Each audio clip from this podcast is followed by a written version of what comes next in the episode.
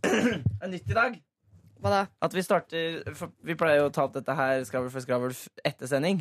Og jeg trodde det skulle være hemmelig at vi skulle late som. Men jeg så usikker, for nå tenkte jeg herregud, nå ble jeg, må jeg bli skuespiller. Det er ikke jeg noe god på. Nei, nei, nei, nei. Det er La oss si da, Jeg ser for meg at i sendinga som kommer nå, så kommer jeg til å spørre rådgiverne om deres nyttårsretter. De Ja. kommer ikke til å spørre meg. Og der sitter jeg da med lista mi over nyttårsretter og har ikke fått sagt det til noen. Jeg vil gjerne si det til 250 000 stykker samtidig. Siri Kristiansen, hva er nyttårsforsettene dine for 2017? Det begynte med to, men lista har blitt lang. Men her er to av de. Ja. Jeg skal videreføre eh, forsettet fra i fjor, som er drikk mer alkohol. Eller altså ha det gøy oftere. Få mer lykke i livet. Ja. Eh, bli lykkeligere. Ok, nå ringer Radioresepsjonen. Ja. Skal vi se. Nyttårsforsett nummer to. Ja, hallo, det er Radioresepsjonen, det. Ja, Hei. Jeg tenkte jeg bare skulle si fra at eh, Einar og Ida har kommet. så bra. Men eh, jeg snakka så vidt med Siri i stad, så jeg tror jeg kunne sende de opp. Eh, jeg kan for så vidt det, men de kommer ikke inn den døra Nei, men jeg har tatt en kleshanger, kleshanger i døra, så går bra. Å ja.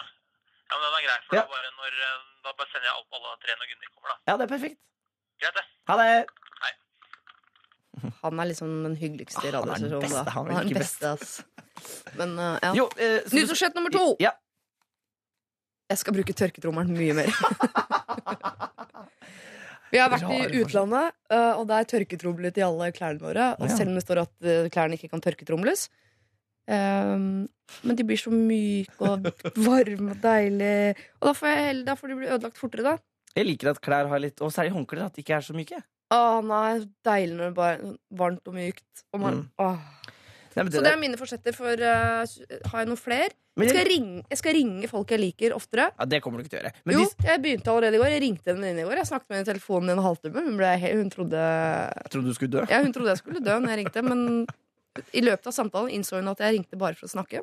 Men jeg liker de forsettene fordi de er eh, lystbetonte, begge to. Ja. Eller alle tre, egentlig. Og Ja. det er veldig bra. Det tror jeg er veldig lurt istedenfor å drive og piske seg selv, som mange gjør eh, over nyttår. Er det noen som har forsetter om å få det verre? Å nei, du tenker sånn slutt å røyke, slutt Ja, å drikke-aktig. Ja, ja. Mm. Mens dette er lystbetont. Og det, da tror jeg det er lettere å gjøre disse tingene som på en måte øh, Sånn som den der pulvergreia du driver med i tillegg. Ja, og så skal jeg bruke trangere klær. det kom jeg på nå. Er Jeg kommer på ny nye hele tiden. Jeg skal bruke uh, tøytere klær. Jeg skal bli mer eh, eh, ho. Mm. Kahuri. Du skal drikke mer, bruke tørketrommel og være mer ho. Skal tørke dem alle klærne mine så de blir mindre. Så skal jeg ta dem på meg, eh, drikke meg full og gå ut og være hore. Shit. 2017! Bjoing. Nei, skal vi sette i gang podkasten, da? Jeg, jeg, jeg håper ikke det blir noe av dette her du skal si etterpå, for det blir kjedelig for de som hører på. da Så du sier det samme to ganger. Det skulle jeg ønske jeg brydde meg om. Men eh, Mm, Det er sant. Det er derfor jeg, jeg må være produsent, og du må være programleder. du får klippe det ut live på direkten og se om det går an. Oi, nå er det snart nyheter. Nei, må vi Ha det. slutte. Ha. Dette er Lørdagsrådet med Siri Kristiansen. På P3. P3. Ofte vet man jo ikke hvor viktig noe er før det er borte. Det er en setning som passer til veldig mye. Det er helt sikkert eh, noen der som har kanskje feiret første jul uten en farmor. Kanskje det er noen som har feiret en nyttårsaften som singel for første gang på mange år. Eller kanskje er dette her året hvor dere av en merkelig grunn bestemte dere for at vi driter i julegaver år, da. Det er så pes. Jeg gir deg noe til 200, du gir meg noe til 200. Det blir for noe å bytte penger. Vi bare dropper det. Da kan jeg heller gå og kjøpe noe til meg sjøl som jeg faktisk har lyst på. Og så satt hun på julaften i år, første året uten gaver, og tenkte at det var jo et gøy prinsipp å ha, men det fungerer jo ikke i praksis, for det ble utrolig lite koselig. Da tipper jeg du savna gaver. Jeg har ikke hatt noe traumer eller noe savn i min verken jul eller nyttår, bortsett fra at jeg jo savner snø, som alle andre som bor her i hovedstaden. Det kom snø i går! Ble så lykkelig! Ennå jeg trodde jeg ikke likte snø. Hvem vil ha ballrom i gatene? Altså, jeg forstår ikke poenget med snø. Men så forsvant det igjen i dag morges, og da merka jeg at jeg ble litt grann, uh, lei meg. Men uh, jeg ljuger litt når jeg sier at jeg ikke har hatt noen traumer uh, i romjulen og nyttår, for nyttårsaften for meg er egentlig et årlig traume. Jeg ser at man skal kose seg, og jeg, jeg vet at jeg spiste god mat, jeg vet at jeg var sammen med gode venner, og jeg, jeg vet at det er en fest, og det er paljetter, og man skal hygge seg, men jeg klarer, altså jeg, Det er klokka tolv-greiene på nyttårsaften, det klarer jeg ikke. Og jeg hadde håpet at jeg skulle vokse av meg. Jeg tenkte at det var en del av liksom trassen og oppveksten. At man skulle være sånn Å ja, dere liker klokka tolv? Ikke jeg. Se på meg. Jeg liker ikke det dere liker. Er ikke jeg annerledes? Se på meg. Men jeg, jeg blir ikke kvitt det. Altså, jeg tror Sammenlagt på de årene jeg har levd, så har jeg kanskje vært ute klokka tolv ja, kanskje åtte ganger. Jeg var redd når jeg var liten, eh, og så var jeg ute noen år. Og så ble jeg trassig eh, og var i den fasen som jeg nettopp beskrev. Å ja, kult klokka tolv. Tror ikke det, se på meg, jeg skal være inne. Gikk over til nå vi er, en, er jo voksne og kan egentlig liksom ta eh, valg basert på hva det må, måtte være, men fortsatt, også i år, så velger jeg å være inne klokka tolv. Og alle de andre i høla sko og polletter sier sånn bli med ut, da, Siri! Klokka er tolv, og det er så hyggelig. Og så tenker jeg nei, jeg har ikke noe lyst til å gå ut klokka tolv. Og hvor, jeg får det ikke til. Og hvorfor får jeg det ikke til? Det er ikke fordi jeg er redd for nyttårsraketter, men det er det der klokka tolv-greiene som jeg syns er like kleint nå som når jeg var 18, selv om det føles mer ekte nå, nemlig at alle er så himla glad i hverandre klokka tolv. At da skal alle klemme og si 'jeg er glad i deg'. Og jeg skjønner at det er et fint påskudd til å på en måte si ting man kanskje burde si oftere, klemme folk man burde klemt oftere osv. Men den bobla der, hvor jeg plutselig Jeg vet at jeg har klemt klokka tolv med Glenn og Cato og Siv og Stubbsveen og folk jeg på en måte ikke er glad i engang, men fordi klokka tolv er nyttårsaften, så sier jeg 'jeg er glad i deg' og 'godt nyttår' og sånn. Og jeg får det ikke til! Ikke nå engang i voksen alder, hvor det faktisk er folk jeg jo vil klemme og er glad i, men jeg- får det ikke til, for det er en hinne av noe uekte som bare ligger over det. Og jeg håpet at jeg i år skulle tvinge meg selv til å i hvert fall late som om jeg likte sånn at jeg kanskje neste år likte det litt, og kanskje kunne bare bli voksen og, og, skjerpe meg litt, liksom. Bli med på gleden. Ikke være hun sure som sitter inne klokka tolv.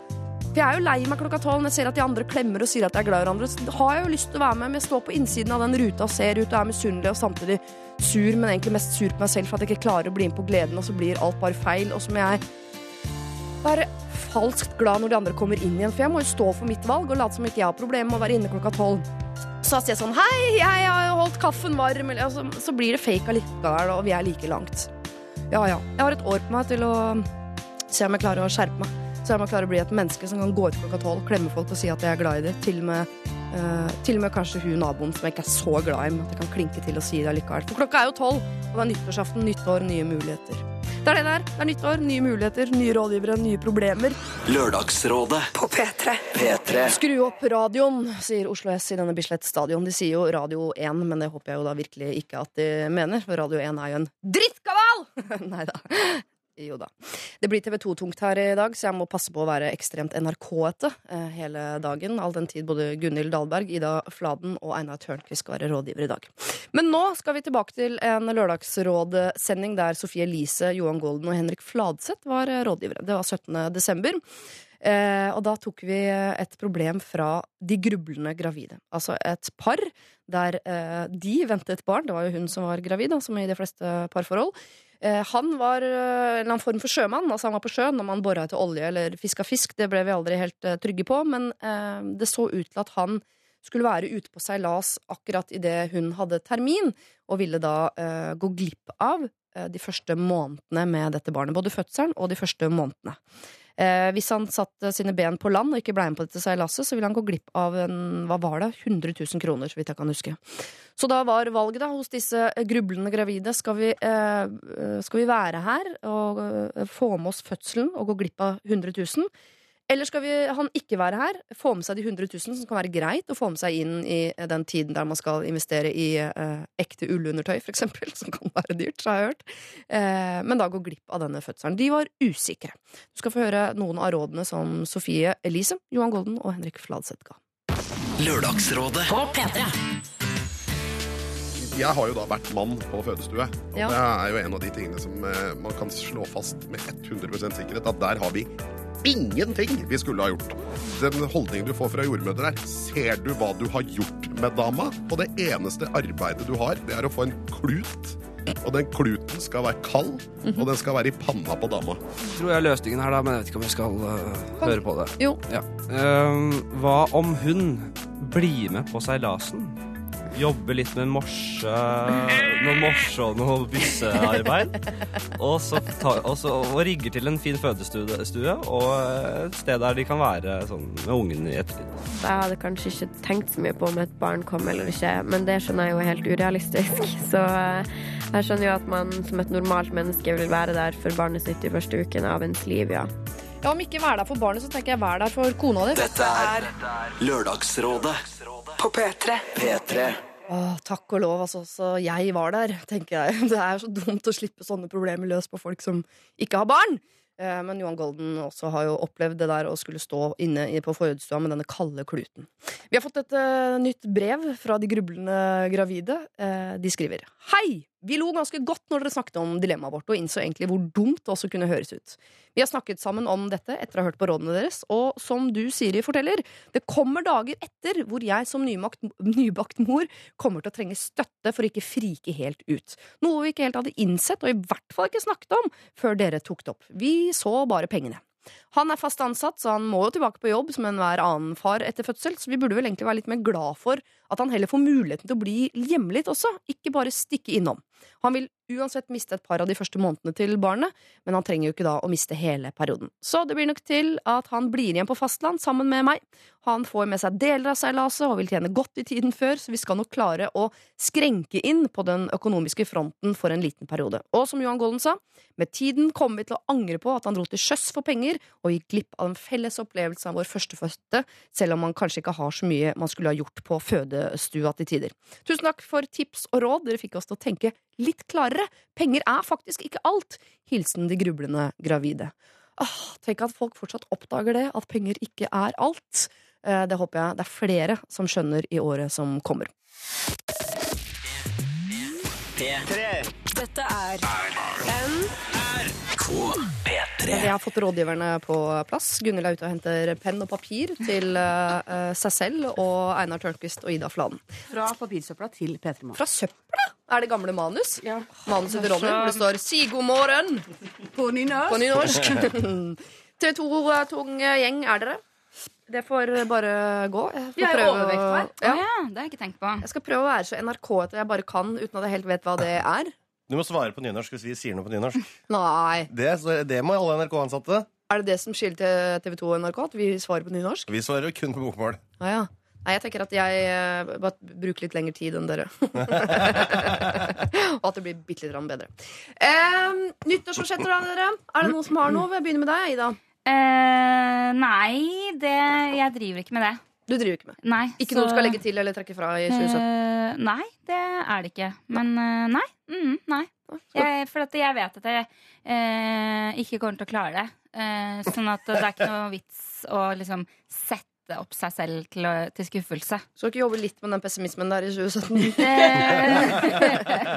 Nei, altså, dette er basert på erfaring, Ja. eh, det med at jeg ikke klarer det. Ja. Livsvis 2017. Men 2016 har jo uh, vært et litt vanskelig år for deg, hvis det er lov å si det. Det må det jo være i og med at du har lagd TV av det. Uh, ja, uh, det, det lagde jeg Ja, det begynte jo i 2015, men ja, det gikk over i 2016. Det stemmer, det. Ja. Eh, ja, har jo vært litt deprimert, da. Ja. Og eh, lagd TV av det. Men det jeg lurte på siden jeg hørte om det Skulle du egentlig lage noe annet? At dere prøvde å lage sånn gøyalt japansk gameshow, og så skjønte sjefen sånn Men hun står jo bare og griner. Dette går ikke, vi må lage noe annet. Snu kamera! Snu kamera. Eh, ja, ja, det var nesten sånn. Eh, Det var ikke japansk gameshow, men eh, vi skulle egentlig lage et program om kroppspress, hvor jeg skulle drive og trene og noe greier. Ja. Eh, men så var jeg jo da ganske langt nede, Ja. og veldig stressa for om jeg skulle komme til å klare å, å gjennomføre et sånn type program. Så da blei det jo verre. Da ble det jo mer angst og alt det der. Og så gikk jeg rett og slett til Trond Kvernstrøm og sa yo. Eh, Da svarte han yo. Yo, little mama! Så snakker vi TV. Nei, og så spurte eller jeg og produksjonsselskapet da, om eh, vi kunne lage et eh, program om eh, litt rundt mental helse i stedet. Siden ja. Ida Fladen tross alt er deprimert eh, nå. Eh, vi vil lage TV om det, for det passer bedre. Ja.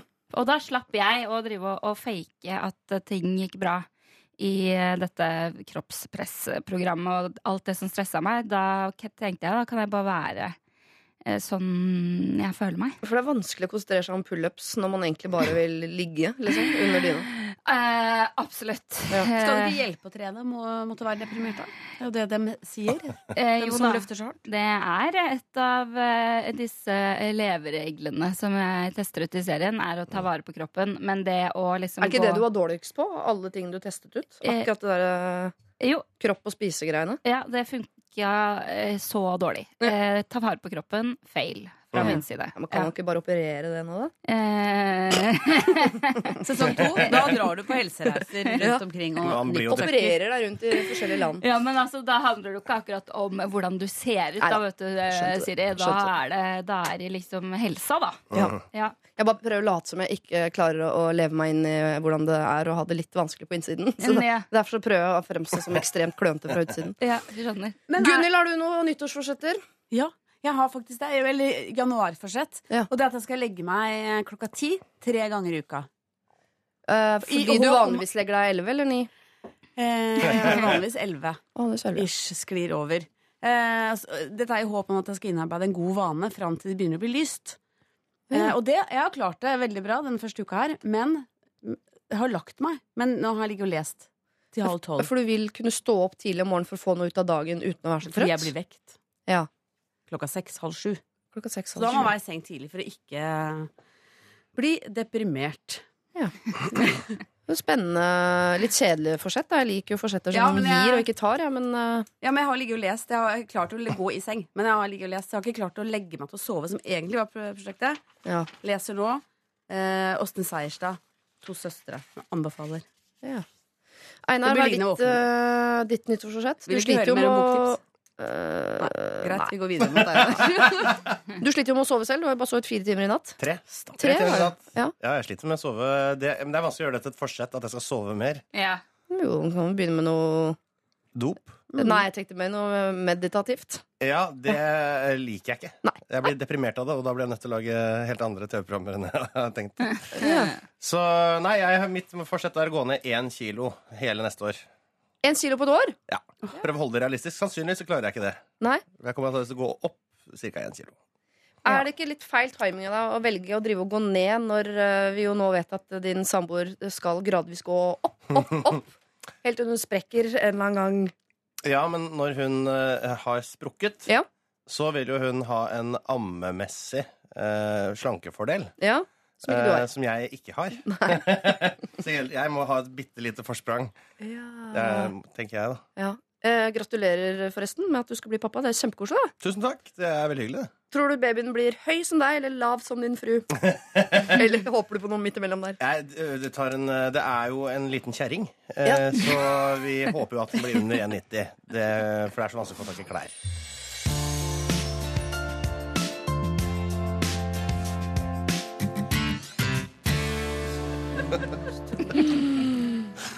Jack Johnson spør er det sånn det skal være i Upside Down. Veldig eh, behagelig låt å høre. S- Ja, tidlig på morgenen er det vel tross alt ikke. Jo, men det, ja, det er litt det må vi si. ja, det er gans til å være lørdag. Jeg har aldri stått opp så tidlig på en lørdag siden jeg var spedbarn.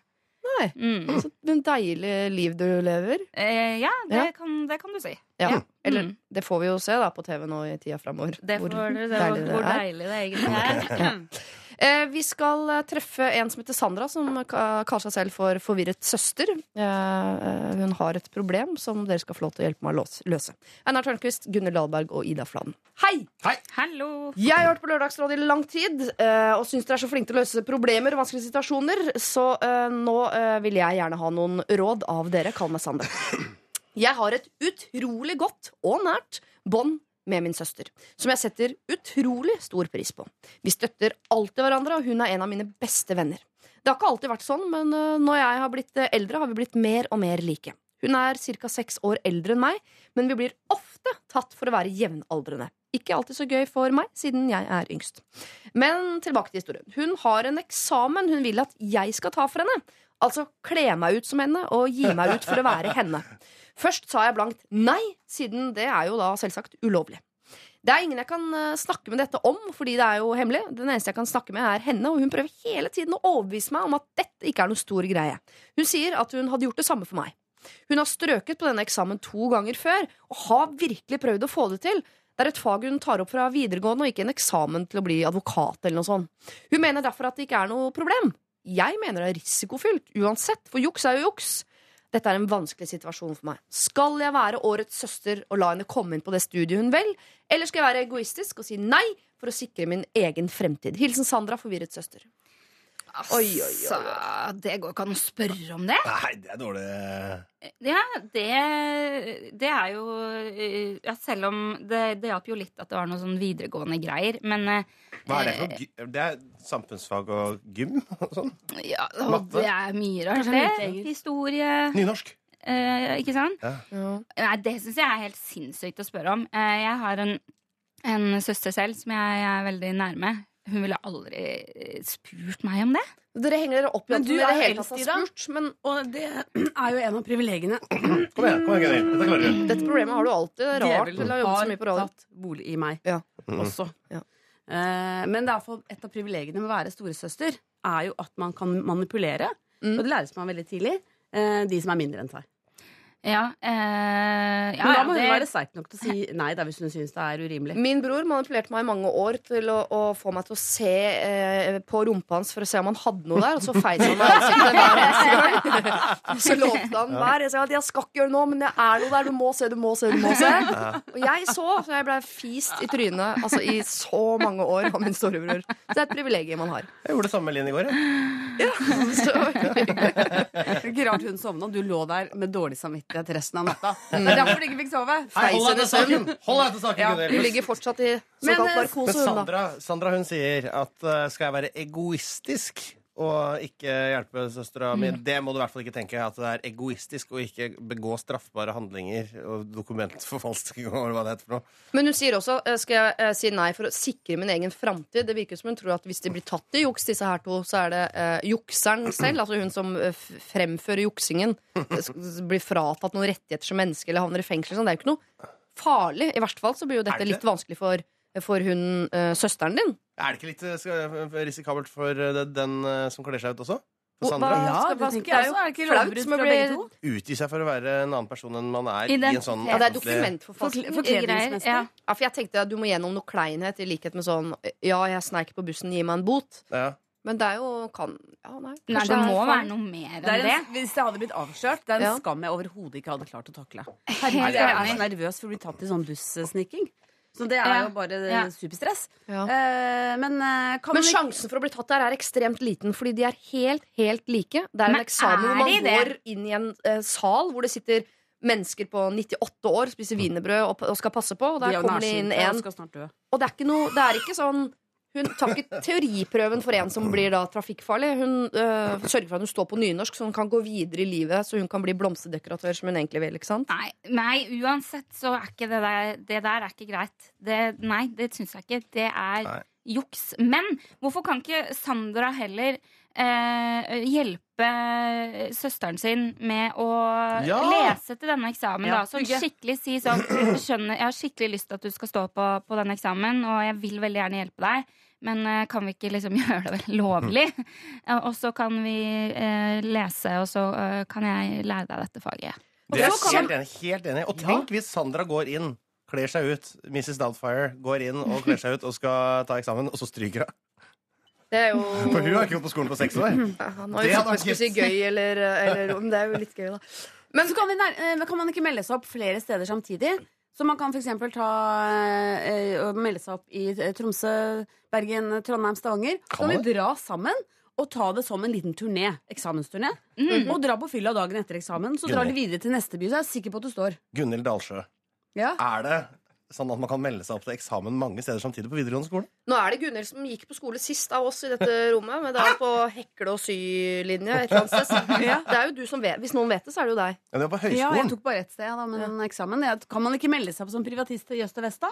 Ja, men på jeg vet ikke, jeg. Nei, Dere vet jo ikke, så ikke motargumenter hvis dere ikke Jeg gikk mine fire år på videregående. Ja, men du vet jo du, du argumenterer i utgangspunktet, så må vi Ja, det var forslag, da. Ja. Billigbilletter med Norwegian eh, som tilbud fram til 16. Nei, fly SAS. Kom deg inn i gode vaner for de SAS med, med en gang. Nei, nå skulle vi hatt Er og Torbjørn? Røe Isaksen her, altså. Det skulle vi. Ja. ja, det skulle vi. Nei, Men jeg, jeg hører jo at dere alle mener at hun ikke skal jukse for søsteren sin. Det er veldig Mm. søtt av dere at dere er så lovlydige og ja, prinsippfast og ordentlig. Men jeg, bare, jeg, jeg- jeg vil at dere likevel skal tenke etter om eh, dere som søster virkelig hadde ment det dere nå påstår at dere mener, eller om Ja, dere bare jeg- prøver å være flinke. Jeg, står, jeg er rigid på det, altså. Rigid på det. Ja. jeg hadde kanskje heller donert ny, nyra mi.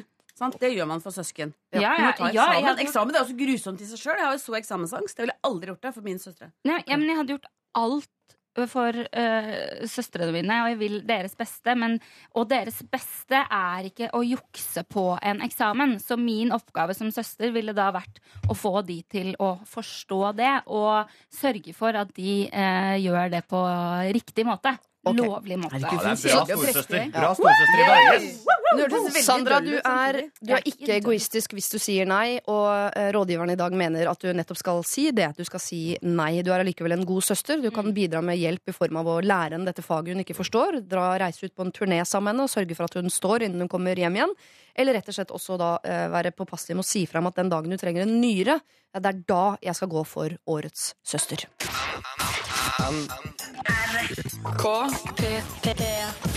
P3. Er det et instrument? Er det panfløyte på slutten der? Det der rett-etter-etter-greiene? Er jeg vet ikke, jeg var- ble revet med. Ja. Now av de som heter pleide låten. å stå på Karl Johan og ha sånn kor? Eller sånn gruppe med panfløyter? Har ikke sett på mange år. Nei, de er borte, de. De har dratt videre til en annen hovedstad. Ah. Står og var- Jeg hadde så lyst på CD i mange år. Og de, det var jo en gjeng fra Guatemala eller noe sånt Ja, ja, ja. som sto og, og Ja, spilte så spilte du panfløyte. den og lambada. lambada. Hadde de det? Ja, den Jeg hadde de på panfløyte i Oslo. I Chamonix også. Da var de der òg. I Chamonix Ja, ja. I 2011. Det er en panfløytehit, det der, altså. Er det noen andre som har hørt noen bra panfløytelåter i Chamonix? Skal vi noe annet? Jeg syns panfløyte eh, altså, løfter enhver låt. I likhet med saksofon og mange andre instrumenter der ute, som er fine. Eh, dere, Vi skal ikke snakke så mye om uh, musikk, altså. Uh, vi skal snakke bitte litt om porno. Yes! Det er en som heter eh, Sondre her, som har sendt inn en mail. Sondre Lerche. Uh, det kan fort være, altså. Mm. Eh, eh, hei, kjære Lørdagsrådet. Jeg skulle hjelpe min 50 år gamle far med noen Snapchat-oppdateringer forleden, da jeg plutselig fikk opp safarien hans. Det som møtte meg, var en pornoside med søkeordet 30 Years Nude Beauty.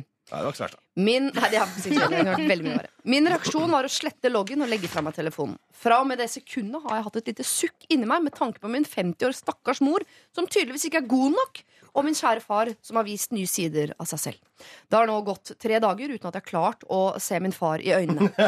Fra mine erfaringer har jeg lært at det beste er å snakke om det, men i denne situasjonen blir jeg veldig usikker. Kanskje er dette mye vanligere enn jeg tror, og jeg burde la min far ha sine seksuelle grenser for seg selv. Likevel klarer jeg ikke å tenke på annet enn at min far har blitt en gammel gris. Burde den samtalen bli tatt opp i familien, eller hva skal jeg gjøre for å komme på andre tanker og respektere min far slik jeg gjorde før?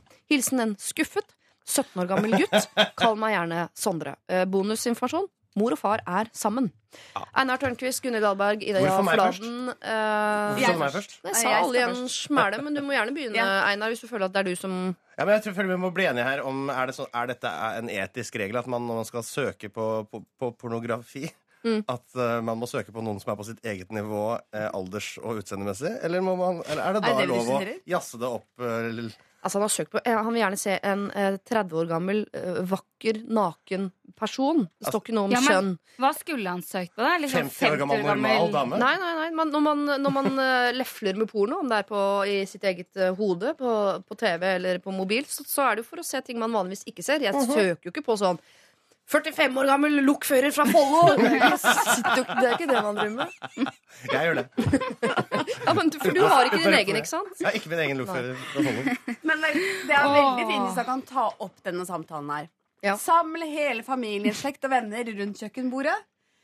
Ta opp denne samtalen her. For guds skyld, finn fram et kamera. Og broadcast det hele på Snap, Instagram. Eh, send det til NRK TV 2. Dette her vil jeg se på TV. Denne konfrontasjonen. Ja, men er det, Nå er du skadefro, ikke Ja, sant? ja, nå må vi da ta det ønsker du ikke denne familien Ja, det var godt. veldig fjolte. Nummer to. Ja. Eh, mitt beste forslag oppsøk hypnose. Nei, men Gunhild Dahlberg, hva er det for dette Hva minnet. skjedde med deg? i livet ditt. 2017-året Dra på. Gunhild Dahlberg ikke fikk være rådgiver i Lørdagsrådet. ass. eksamensturné og hypnose? Stikk på eksamensturné, du.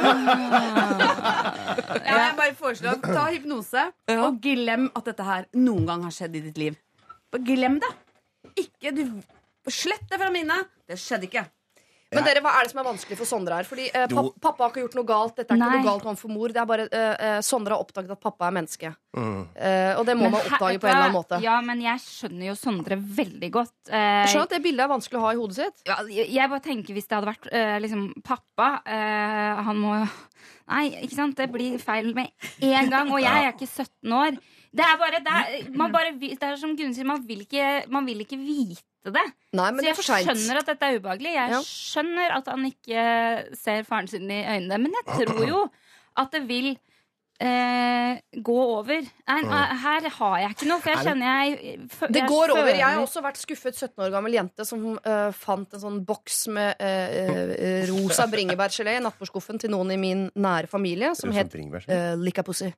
Tydeligvis da skulle smøre på tissen for at det skulle være bedre for han. Og, ikke sant? Jeg skjønte Og Veldig skuffet som 17-åring når jeg fant det. Jeg var ikke klar over at tissen smakte vondt engang. Ikke sant? Det var mye der som, som ble vanskelig for meg, men nå, nå ler jeg av det. Nå, ca. ti år senere, ler jeg av det. Ja, men hva gjorde du da, Siri? Cirka ti år Eh, tok det jo i hvert fall ikke opp.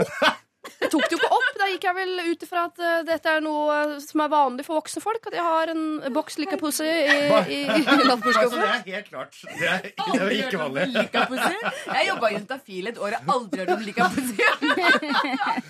Nei, men det er jo den grusomme erkjennelsen av at foreldre onanerer. Å, herre. Ja, ja, ja. Og jeg tror ikke, det er jo ikke et svik mot mor. Det er jo ikke Jeg spyr.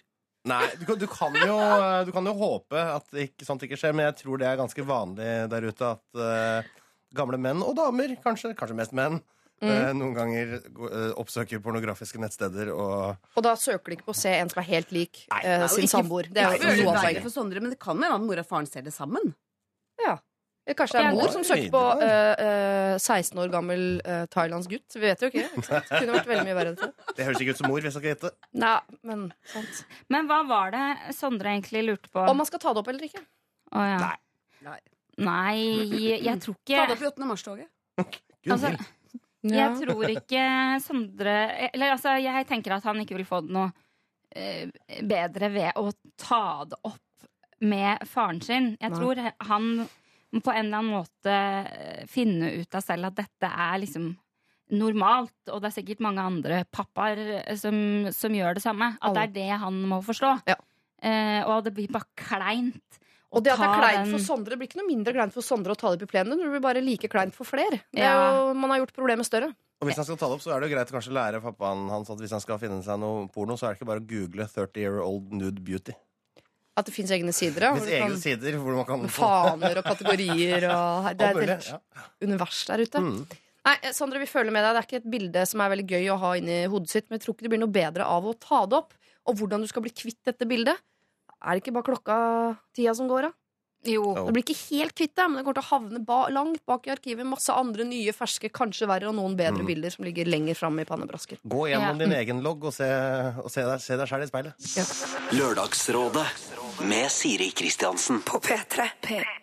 Sirkus Eliassen, altså. Jeg vil bare danse. Det er en uh, låt jeg hadde glemt, som jeg ble merkelig glad av å høre den igjen. Hvem likte dere best? Han røde eller han blå?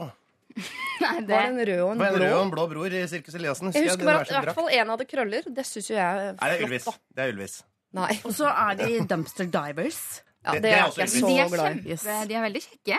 Er det det? Ja, ja, Det er også Ylvis. Er det ikke Magnus og Erik Eliassen? Herregud, du kan din Bodø Men de har jo dialekta som får en kvinne til å kle av seg. Det har jeg jo Det sagt i mange år. Hvis de sier 'kle av deg, kle', så gjør man gjør jo det. Ikke sant? Gjør, man gjør det, ja? Man gjør det. Ja, ja. Det er bare å legge over. Det er ekstremt enkelt. Ja. Det er så militant. Eh, vi skal, eh, jeg skal lese en roman for dere, nesten. Eh, Einar Tørnquist, eh, Ida Fladen og Gunhild Dar Dahlberg. Vi har eh, Daran, som Petra har formulert. Kjære rådgivere, jeg skal prøve å fatte meg i korthet, men svært mye har skjedd på ekstremt kort tid. Vi snakker de siste to uker. Da et av mine søsken gikk bort på ekstremt tragisk vis, tok jeg kontakt med flere felles kjente fra gamle dager. En av disse var min gamle ungdomskjæreste. Kall ham bare Ola. Jeg og Ola har ikke sett hverandre på ca. 15 år. Vi er nå i begynnelsen av 30-årene. Men Ola var viktig også for mitt avdøde søsken, så jeg inviterte han til begravelsen. Og vi dro, begge to, fra hver vår kant av landet til begravelsen. Vi snakket og mimret, gråt og lo halve natta, og vi sov sammen. Da Ola ville passe på meg siden jeg var ganske emosjonelt ustabil. Vi fikk under 24 timer sammen, hvor noen av dem var i denne begravelsen. Hele tiden satt han og holdt meg i hånda, og han holdt meg oppe da jeg ikke klarte å stå på beina. Vi reiste sammen til Gardermoen, vi kysset, holdt godt fast til hverandre og kunne sitte i lange perioder og bare se på hverandre. På Gardermoen ble vi sittende i fire-fem timer, og vi oppførte oss som kjærester. I ettertid har han også uh, sagt at det føltes som hans naturlige plass ved siden av meg, og han sender meg en liten God morgen-film på Snapchat hver morgen. Så nå sitter vi da på hver vår kant av landet. Han med hus og samboer gjennom tre år. Jeg med nykjøpt leilighet, men singel. Nå vil jeg ikke være singel. Jeg vil ha Ola. Hvor lenge kan jeg vente til han har ryddet opp i forholdet sitt? Er seks måneder lang nok tid? Kan jeg tro at han faktisk vil forlate henne til fordel for meg? Jeg føler meg hjemme i hans favn. Kall meg gjerne Petra. Åh, jeg ble så rørt. Blir det Petra og Ola, Gunhild? Eh, jeg syns at eh, Petra skal kanskje gi dette her en god stund. Jeg har en Er seks måneder nok tid? Er seks måneder en god stund? Er det ikke vanskelig å bare sette en dato for sånt, da? Jo. Det er derfor jeg spør. Ja. Er du også rørt, Siri? Om jeg er rørt? Ja. Nei, jeg har faktisk har noe i halsen, så jeg lurer på om jeg skal hoste eller ikke. Men hva er det seks måneder siden dette starta? Var det du avslutta med? Nei, er nei, nei, det, nei, dette har skjedd nå nylig. Det har vært to, To uker. uker. Ja, Seks Seks måneder. Det syns jeg er eh, en ok tid å vente. Kanskje til og med et år. Men hadde han sagt han, eh, Sa han at eh, han skulle eh, gjøre det slutt med samboeren, og er det, er det det som er planen? Det sto ikke noe om det. Det det. står ikke, men jeg, hun sier 'hvor lenge kan jeg vente'? Med andre ord så har det vært snakket om Ja. venting og rydding. Eh, Ja, og- Kan jeg tro at han faktisk vil forlate henne? Vitner også om at han har sagt at han skal. Ja. Ja. Så jeg tror nok begge er i en prosess hvor eh, Petra vil ha Ola, og Ola vil ha Petra. Men eh, hvordan skal den prosessen se ut? Hvor lenge Nei, men Ola og Petra de har vært sammen nå De har bare vært sammen ett døgn. Ja. Eh, og de har hatt et veldig sånn følelsesmessig eh, eksplosivt eh, døgn der. Og så er det, det er ganske annerledes enn hverdagen. Mm. Eh, så jeg, jeg vil- ville vel kanskje ikke bare kasta meg rett ut i det eh, og, og sendt liksom livet på, til Ola eh, på dunken. Og så kanskje ikke det funker, liksom. Nei, men Det der er jo vanskelig, fordi eh, vi er jo nødt til å prinsipielt være imot utroskap. eh, og da er det vanskelig å råde Ola til å finne ut av dette med Petra mens han er sammen med samboeren sin der oppe. Men kanskje det går litt, hvis det går litt dårlig for Ola skulle gjerne visst om det gikk bra eller dårlig i forhold til Ola. Mm. Ja, men Det er jo fort gjort at det kanskje går litt dårlig når man Ja. møter eh, noen hvis man kjeder seg litt. Åh, men det er, så, Også, det er så dumt hvis uh, Unnskyld. Kan jeg få dele litt fra mitt Ja, rikholdige liv? ja, ja. Eh, som ikke er så rikholdig, men jeg har noen episoder, og eh, Jonas vil gjemme seg tilbake for å, for å høre på dette e-postet. Men eh, i eh, var det 2008 så var jeg på ferie på Galapagos. Jeg skal gjøre det her veldig kort. Men så ringte mora mi og sa at bestemora di holder på å dø. Så da måtte jeg ta fly hjem. Jeg får et vondt i magen av å tenke på det. Dro jeg hjem fra Galapagos for å være sammen med henne når hun døde. Og det her var i Tromsø. Så jeg kom liksom eh, med bikini og opp til Øgle på skulderen. Øgle, på skulderen. Ja. Til eh, opp uh, i uh, juletider. Det var på julaften. Og så uh, hadde jeg en kompis der oppe som jeg også bare for å avveksle fra sykehuset, så dro jeg på byen. Og så møtte jeg en fyr som jeg ble så sykt forelska i, som jeg aldri før har vært i hele mitt liv. Eh, og, Kan vi kalle han noe? Ikke Ola? Egon Holstad. Ole het han jo. Han het Ole. Ja, så det kan, kan jo være samme person som er sånn, så som fyr som møter lever opp fra, fra Tromsø. Nei, han er ikke derfra. Men eh, så da, Og da eh, det var, helt, det var en helt sinnssyk følelse, for jeg var egentlig i veldig sorg. Og så var jeg dritforelska. Jeg var så forelska at jeg hadde verk i kroppen når han ikke var i nærheten. Eh, og så fortalte jeg det her til venninnene mine, og den ene venninna mi er psykiatrisk sykepleier, så hun sa at det er vanlig at å bli stormforelska når man er i dyp sorg. Mm. Fordi man er i en slags sånn åpen et åpent øh, sjokktilstand, så du bare suger til seg mm, nærmeste livbøye. Ja. Så man kan kanskje ikke stole helt på de følelsene som oppstår i en, eh, når man er liksom på Ja. dypt vann. Da. Det gir mening. Men Ola er jo ikke i dyp sorg. Og uh, ut fra Petra her, så har han øh, opplevd det samme som Petra. Nei, hva betyr det? Altså, Ola er jo ikke i en enorm sorg. Å ja, samme sant? forelskelsen, ja. Så hvis, forelsk, Jo, hvis han kunne sendt denne mailen og vært like Ja, forelsket altså, men- Hvis vi hadde visst 100 sikkert at han var Og det vet vi ikke. Vi har, liksom, vi har Petras mail å, å lene oss på. Hun vil ha Ola, og hun forteller oss at Ola vil ha henne. Og lurer på hvordan den prosessen Og jeg er helt enig at Det er ikke sikkert at dere er så forelska som dere tror, men de må jo likevel gjennom en prosess. Og hvordan den prosessen skal se ut, skal vi prøve å hjelpe de lite grann med. Men først skal vi jo da Jeg veit ikke om det er passende, men sexual. Dette er er P3. Sexual, altså Naked og Dio, eh, de eh, avbrøt oss egentlig litt, fordi vi var midt i en eh, det jeg vil kalle en roman, eller nærmest en film. Og forfatteren av denne, dette manuset er jo da Petra, som i en forferdelig tid har mistet et søsken. og i forbindelse med denne begravelsen så traff hun igjen kjæresten sin fra gamle dager, Ola. Og de hadde 24 timer sammen, som var helt fantastiske. De oppførte seg som kjærester. eh, og eh, føler at de helt naturlig hører hjemme hos eh, hverandre. Og lurer nå på om det kan bli de, hvordan, når osv. Og, så og det er, vi skal ikke gi råd til Ola. Det er veldig fristende å si til Ola ta hensyn til samboeren din og hus og alt mulig sånn, men det er Petra. Hun er singel. Mm. Hun vil ha Ola, og lurer på hvor lenge hun kan vente på at han uh, går fra sitt til fordel for henne.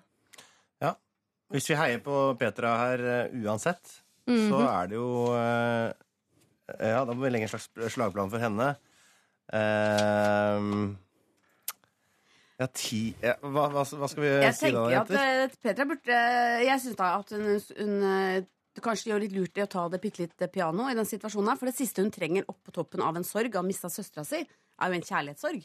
Mm. En eh, avvisning fra han også, som sier at 'jeg vil ikke være sammen med deg likevel'. Så man kanskje gå litt eh, rolig fram. Og han er jo i et forhold, selv om vi ikke skulle hjelpe ham, så er det ikke Det skal jo litt mer til å eh, slå opp med hus og hjem. Mm. Enn å bare bli sammen med noen eh, hvis man er singel. Og de bor jo også på hver sin kant av landet går. Og hvis hun bare uttrykker seg veldig sånn tydelig på at hun har uh, interesser i han igjen, da, sterke interesser, Mm. så må hun vel nesten bare overlate det til han. Uh, det er hans call, på en måte, om Ja. han vil gå fra dama og eh, bli sammen med Petra. Mm. Eller om han vil bli sammen, fortsette sammen med dama si og la Petra Jeg veit Gå at, på det Tinder. er- jeg vet at det er sånn, men jeg synes det er litt irriterende også hvis Petra nå øh, øh, vet hva hun vil ha. Mm. Så tenker jeg at hun, øh, hun må få lov til å, å på sin side jobbe litt for å få det. Hun, ja. hun hun vil ha Ola. Ja, men hvor mye er det hun kan gjøre? Jeg tenker Det viktigste er at hun uttrykker klart og tydelig og er helt ærlig på hva hun føler, og hva hun ønsker. Ja. Altså ikke i koder og ikke sånn Jeg mener Ikke noe rett, spill. rett på. Jeg ønsker at du går fra samboeren din for å satse på oss. Ja. Det er det jeg vil. Mm. Eh, og etter det så er det på en måte opp til Ola. Men jeg syns at eh, hun skal gi han litt eh, tid. Fordi det er ikke bare bare å, å gå fra en samboer eh, en, som du har bodd med i tre år. Så han må, få lov til å, han må også få lov til å gjøre det på sin måte. Men, men eh, eh, Men da må jo Petra vite også at det Ja, er det hun vil. For det er som Gunhild sier, hvis dette bare er resultatet av at hun er midt oppi en sorg, og at følelsene ligger litt utenpå, sånn, så kan det hende at ja, så går Ola fra samboer og hus og flytter til Petra, og så, går det, eh, så er, kommer man ut av denne sorgprosessen, så, så viser det at nei. Men skulle Det var ikke også likevel. en uke, så kom hun på hvorfor det ble slutt for 15 år siden. Ja, fordi han var jo så sykt irriterende. Eller fordi han alltid var utro. Eller fordi han aldri hadde penger. Eller fordi han bare jugde. Eller fordi han hadde sykt, sykt dårlig ånde. Man må eh, prøve å ha litt eh, Eller veldig store hender. Hva er dere? Hva, hva folk er dere? Mm. Folk, vanlige folk. Okay. Eh, men hvor lenge varte det med din Ola, da? Som jo Ole? Ole. Mm. Eh, det varte i et, uh, i et år cirka, men vi var jo aldri sammen. Men dette her var jo bare rot. Men når Men det det da var over, over, var det sånn at du våkna og tenkte sånn Alt dette har jo bare vært tull, eller var det noen uh, reelle følelser inni der? Ja, det var jo reelle følelser men jeg, fra min side, men jeg tenker jo i etterkant at det her hadde jo aldri vært så spinnvilt hvis det ikke var fordi jeg var så sykt forelska i ham. Så det spinnvill i denne love storyen med meg Mm. og han, det var mine sinnssyke følelser som, eh, som kom eh, fordi jeg var i sorg da jeg møtte han, og i en god periode etterpå. Jeg syns vi skal ta med oss den historien når vi gir råd til Petra. For jeg, jeg tenker at eh, Men det må jo Petra finne ut på en eller annen måte, og det finner jo ikke hun ut av i leiligheten sin singel på sin kant av landet. Det må hun jo finne ut av sammen med Ole på en eller annen måte. Ja, Så han må jo finne ut av om han vil eh, ofre samboeren sin for å gi eh, han og Petra en sjanse. Det er jo det Ole må finne ut av, og det må Petra nå be han finne ut av. Jeg vil at vi skal prøve. Jeg tror dette er verdt å, å satse på. Vil du det? hun må få et svar, for han kan ikke gå og tenke på det i, i flere måneder. Han må finne ut i løpet av kort tid eh, om han kan tenke seg å gjøre det. Mm. Så skal han få litt tid på å gjøre det. Og jeg vil også bare si til... må til stille krav. Ja. Jeg vil også si til P3 Nei, Petra. ja, ikke, Du har muligheten til begge Sorry. deler nå, faktisk. Det er ganske sykt. Ja. Men ja. Men jeg vil si til Petra at uh, nå eh, vet du også da at uh, denne Ola Bass, han er uh, i stand til å være utro. Ah, ja, og de har kyssa. Mm. De sov sammen, sto det ikke? Hva betyr Jo, sov, Sov. sammen? Sov kan bety sov. Ja, ok. Ja. Jeg pleier ikke å si at mora mi og jeg sover sammen når, vi, når jeg overnatter der. Nei, men dere sover vel ikke sammen, heller? Vi sover jo samtidig i samme hus. Nei, men de er ikke sammen. Nei, nei. Vi Ok, eh, antar at de det- sov i samme seng. Ja, det antar vi. Men det så ikke noe om at de lå sammen. Nei, gjorde ikke det. Nei. Nei, Nei, det nei, Vil du liksom dra inn det på slutten der, Einar? Ja, jeg gjerne, gjerne måtte, Ja, det er jo- Jo, Jeg vil det at alle eh, etablerte relasjoner skal få bli sånn Jo, men vi må slutte å, vi må slutte å liksom påstå at det bare er drittsekkene som er utro. Alle mennesker er i stand til å være utro. Det betyr ikke at du er et dårlig menneske. Det er Og jeg er et- drittsekk. Jeg har aldri vært utro. Nei, eh, jeg er også en drittsekk. Og, og Hæ? har vært det. Betyr, det betyr ikke at man er et dårlig menneske hvis man er utro? Jeg er jo, eh, for Hva er det som er å være et for dårlig menneske, da? lokføreren så er jo jeg verdens beste kjæreste herfra og til evig tid. Men Det jeg har jo ikke vært utro tidligere i livet med andre folk. Det betyr ikke at jeg er et grusomt Hva menneske mener som du? ikke er verdt å gi Mot kjærlighet og lokføreren? Nei, ikke mot lokføreren. Mot alle de andre. Å ja, Men nå har du ok, slutta å være utro. Er du sikker på at du er ferdig med det? Er den fasen Ingen kan vite det, helt sikkert. Jeg håper jo det, da. Å, herre, det skal jeg min med egen på. og andres del. Men, men Petra burde jo også tenke at hun er i eh, kanskje litt sjokktilstand etter at søster er død. Ja. Sånn at eh, når det går to uker, vet fire at det var uker vel? eh, Søsken. Søsken. Ja. Søsken, ja. Har det noe å si for den? Nei, unnskyld. Jeg glad i vi fikk vite Hun har jo en familiemedlem. akuttilstand i eh, livet sitt, da. Sånn at når tida eh, går, så kanskje hun vil se på Ole som eh, Ola. Ola mener, Mm. Som Han er ikke den prinsen jeg trodde han var. Han er et helt vanlig menneske, og jeg har ikke bruk for han lenger i livet mitt. Her kommer en annen prins. Det er så, Så- mange prinser der ute, altså. Ja, det er Ja. Og det er noen prins Mild også. Og og, og Ola er det eller det andre, det vet vi altså ikke. Men Petra, vi klarer ikke å si hvor lenge du skal vente. Om seks måneder er nok. Det eneste vi kan si, er at eh, dette må du gi tid. Og dere må finne ut av det. Du på din side, men også dere sammen. Dette er Lørdagsrådet på P3. P3 Lalem! Er vi, altså, er vi, er vi på nå, eller? Ja. Det rødlys. Lale var det, bare for hva mig skjelv. Oh, du er, hvilken dialekt er det? Småland? Yes, så er med sånn. Du blir så pretensiøst å si det på svensk, og så blir det dumt å si det på norsk, og svorsk blir Alt blir feil! Det var Lale med, bare for hva med i helvete. Jeg orker det ikke. Jeg orker det altså ikke. Eh, I dag er det Ida Fladen som er rådgiver, og Gunhild Dahlberg og Einar eh, Tørnquist. Boom. Eh, det tror jeg var i Nei, det er ikke stigende alder, men i stigende Nei, ikke høyde heller. Ja, rekkefølge. kvalitet? Stigende kvalitet? Stigende kvalitet. Ja. Absolutt. Er Gunhild eldre enn Einar? Ja. Ja. Å ja. Jeg visste ikke. Ja, men, Du ser så ung ut. sånn. Tusen takk. Altså, Einar er i den delen av livet hvor han nå driver og brygger barn, mens Gunhild er over i den eh, alderen hun er ferdig med barn, men driver og brygger eget øl hjemme. Så, altså, uh, eh, Det er gammelt, altså. Det er jo kjæresten min som er seks år yngre enn meg, som brygger ølen. da Har du seks år yngre? Cougar! Wow! Visste dere ikke det? God Nei, aldri, du har aldri vist meg kjæresten. Jeg tror ikke du på at du var kjæreste. Jo. Nei, det er ikke sikkert jeg har det heller. jo, jeg, jeg, jeg har sett han i det 3D. I 3D. Hva vil du si? eh, Hva, Terningkast. plusser og minuser? Han har, minus. han har sånn fjes som jeg vet at Gunhild er glad i utseendemessig. Men bare Gunhild er glad i? Nei, nei, nei, nei, jeg bare ser det går igjen. Ok. Eh, det er noe, eh, noe som går igjen i det, de fjesene på gutter som uh, Gunhild liker. De er ganske like alle sammen. Men han her er mindre. Lavere, liksom? Ja, altså, altså hele volumet er mindre. Ja. Problemer, eller? Ja, Det skal Ja. ikke handle om Gunhild, dette, selv om det ofte det bare blir sånn naturlig. Bitte liten. Bitte, Bitte liten Han er eh, samboer. bitte liten. Men herregud, han er jo over 1,80. Jo, Er nå han skal vi til et problem. ja. Ja, det syns ikke. ingenting. Det syns ikke. Nei, det er ikke det. for. Fra Gunhild til Hege, som er sykt eh, provosert. Oi. Eh, jeg har en gravid bekjent som jeg ga en stor sekk med babyklær til. Mye fint, litt dyrt og pent brukt. Avtalen var at hun skulle låne det, da jeg har sagt at jeg selv gjerne vil ha et barn til. Ser nå at hun har lagt ut klespakker på finn.no med mine klær til salgs. Barnet hennes er ikke født ennå, og hun selger tydeligvis unna det hun ikke likte, og det hun tenker at har litt verdi. Kan jeg kreve klærne tilbake? Føler at dette er så frekt at jeg vet ikke hvordan jeg skal gå fram. Jeg håper Lørdagsrådet har noen gode forslag. Jeg kjenner jeg er sykt provosert. Det Ege. skjønner jeg. Alle kan vel Du, alle er vel, gøy å, å låne ting av folk, og så legge det ut på Finn. Det er Det er en businessidé. Ja. Businessidé. Ja. Gratulerer med en sånn smart venninne. Ja, ja. Slå deg sammen med dorullkongen og se om dere får til noe greier på sikt. Hva var det den dorullsaken? Jeg klikka aldri inn på den. jeg leste at noen var dorull avslørt. Ja, for, la oss bruke noen minutter på det. Ja, ja det kan vi ta seinere. Det er noe det er scam. Gunhild, du sklir ut. Ja, Mm. Unnskyld meg. Sorry. Kan du lese dilemmaet? kan bare gå hjem, eller hvis dere ikke vil ha det. Nei, vi vil ha Hege har gitt bort babyklær til en bekjent. Bekjent har nå lagt ut babyklær på finn.no. Hva skal Hege gjøre? Jeg syns absolutt at hun må si fra. Altså, dette her dette holder jo fader ikke mål.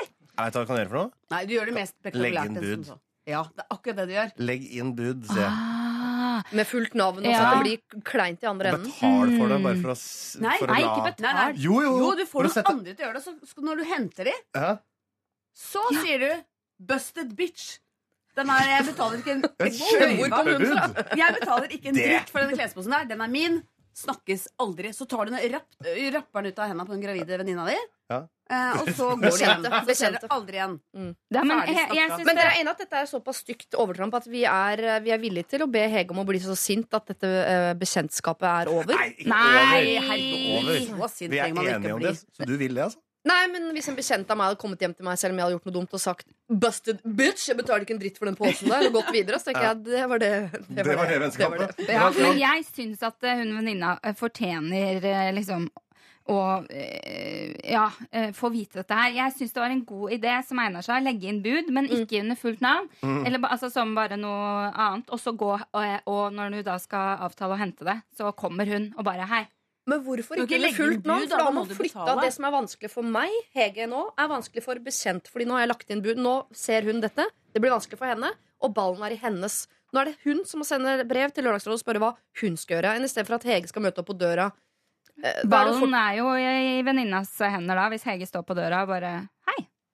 Ja, men Da må man være med på ubehaget. Det var deilig om hun venninnen, bekjente kunne være alene om dette ubehaget en stund. tenker jeg Ja, I og med at det er jo hun som har gjort det ubehagelige utgangspunktet. Det kan Ja. hende at, for at når man er gravid eh, Dette vet kanskje du noe om nå, Einar. Nei, jeg, jeg er jo men man får gjerne sekker med klær fra øst og vest. I hvis det er første graviditeten. Mm. Det kan hende at det går litt i ball for uh, en venninna om hvor ting kommer hva fra, om noen skal ha tilbake eller ikke osv. Og så er det ofte at babytøy kanskje ikke er så fint som det man huska sjøl. Fordi at uh, ofte Mm. så har det blitt vaska på 90 grader veldig mange ganger. Tørketromla, og det har vært fullt av bæsj. Så det er, når man tar det, så er det ikke så fresh som man trodde. Så det kan hende at hun har kommet Og så har man jo forskjellig smak, og jeg husker også at det er så vanskelig å si til Ja. venninner som kom til meg med sånn Gant. eh, Ja, ting fra Gant. Ja, altså sånn ja, ja, sånn pikéskjorte til baby, for Eller eksempel. Eller ting med mye ja, sånn Fotballklær er det eneste interessante å gi en baby. Alt, alt, annet er jo uinteressant. Baby trenger ikke Sparkebukse klær. med minimus og sånn. Jeg, jeg måtte si sånn Jeg hadde ikke i meg å si nei, den likte jeg ikke. Etter hvert så blir man så kynisk og sier eh, takk, nei takk, takk, nei takk. Eh, Men Jo, i jo. begynnelsen så bare tar man imot. Men det er jo forskjell på å liksom ikke like det og ikke bruke det, og, og, og selge det på Finn. Fordi det, det er jo der overtrampet ligger. Om hun ikke Ja. hadde brukt klærne, ja ja, det er greit. Men at hun tjener penger på klær som hun har fått av venninna si Eller lånt, da. Det kan hende at hun har Eh, ja, glemt seg bort. lånt. Jeg syns Hege skal sende en melding til henne. Skrive sånn litt sånn halvspydig. Hei, Lokehue, du er jo kjent for å rote ekstremt masse. Ja. Eh, nå har du jo lagt ut mine klær på finn.no. Eh, de sa at du kunne låne. Ja. Kan jeg få den posen her tilbake? Mm. Du kan levere den på døren Du trenger trim, du er gravid. Det er deilig at du ror oss i havn Mm. der, for nå har vi vært ute på sånn hevntakt hele Ja. gjengen. Og, og fråtset Ja, ja. i morsomme måter. Fornuftens Og, røst i galskapens Jo, men vet er du hva, jeg er enig, altså. Og så kan man ikke bli litt sånn eh, surrete slash skada i hodet når man er gravide. Jeg, jeg har ikke vært det. Jo, sånn- også, jeg syns jo i utgangspunktet å få klær som man skal ha tilbake, da sier jeg da vil jeg heller ikke låne, for jeg klarer ikke å holde styr på om det var rosa babybukse eller blå, altså hva som kom fra deg. Mm. Så det, eh, det er nok antageligvis en her som ikke er bitch, men lokehue. Ja. Ikke Så sant? nå gikk Hege Ja. fra å være stakkars Hege til å bli herregud, så maste du er med de slitte babyklærne dine fra Gant. Ja. Fra Gant. I- Sendingen er sponset av Ja, men hele eh, Dawson's Creek var jo sponset av Gant. Det var jo en lang lang reklame for Gant. De hadde bare Gant-klær, alle i Dawson's Creek gjennom alle sesongene. Det er, den Den er såpeoperaen? helsponset av Gant. Yes. Mm. Eller Paces Creek, da, som vi kaller det. Hvis man er glad. Aldri sett Dawson. Aldri hørt om. Nei, Men, synd for dere. Ja, men jeg tror vi må gi venninnen en sjanse til at hun kanskje bare har kanskje det er gjort det, en altså. feil. Altså. Ja. Ja, Eller kanskje ja. hun bare leier det ut? For Sjekka du det? Kanskje hun leier det ut for så å få det tilbake igjen? Og så skal gi det. Hvilken fane ligger det under på finn.no? Hege, her, jeg, vi skjønner at du er sykt provosert. Det er frekt og det er et overtramp. Men det kan hende at dette frekke overtrampet er et resultat av at uh, denne gravide uh, bekjente uh, du har, er litt lokehue akkurat nå fordi hodet hennes er litt fullt av babyklær og gulp og framtid og alt som er vanskelig. Så gi henne en sjanse. Si ifra. Si, jeg ser at du har lagt klærne mine på Finn, jeg vil gjerne ha de tilbake. Uh, og så ser du hvordan reaksjonen hennes er. Er hun bitch der, så må du ta en busted bitch-reaksjon i etterkant av det igjen.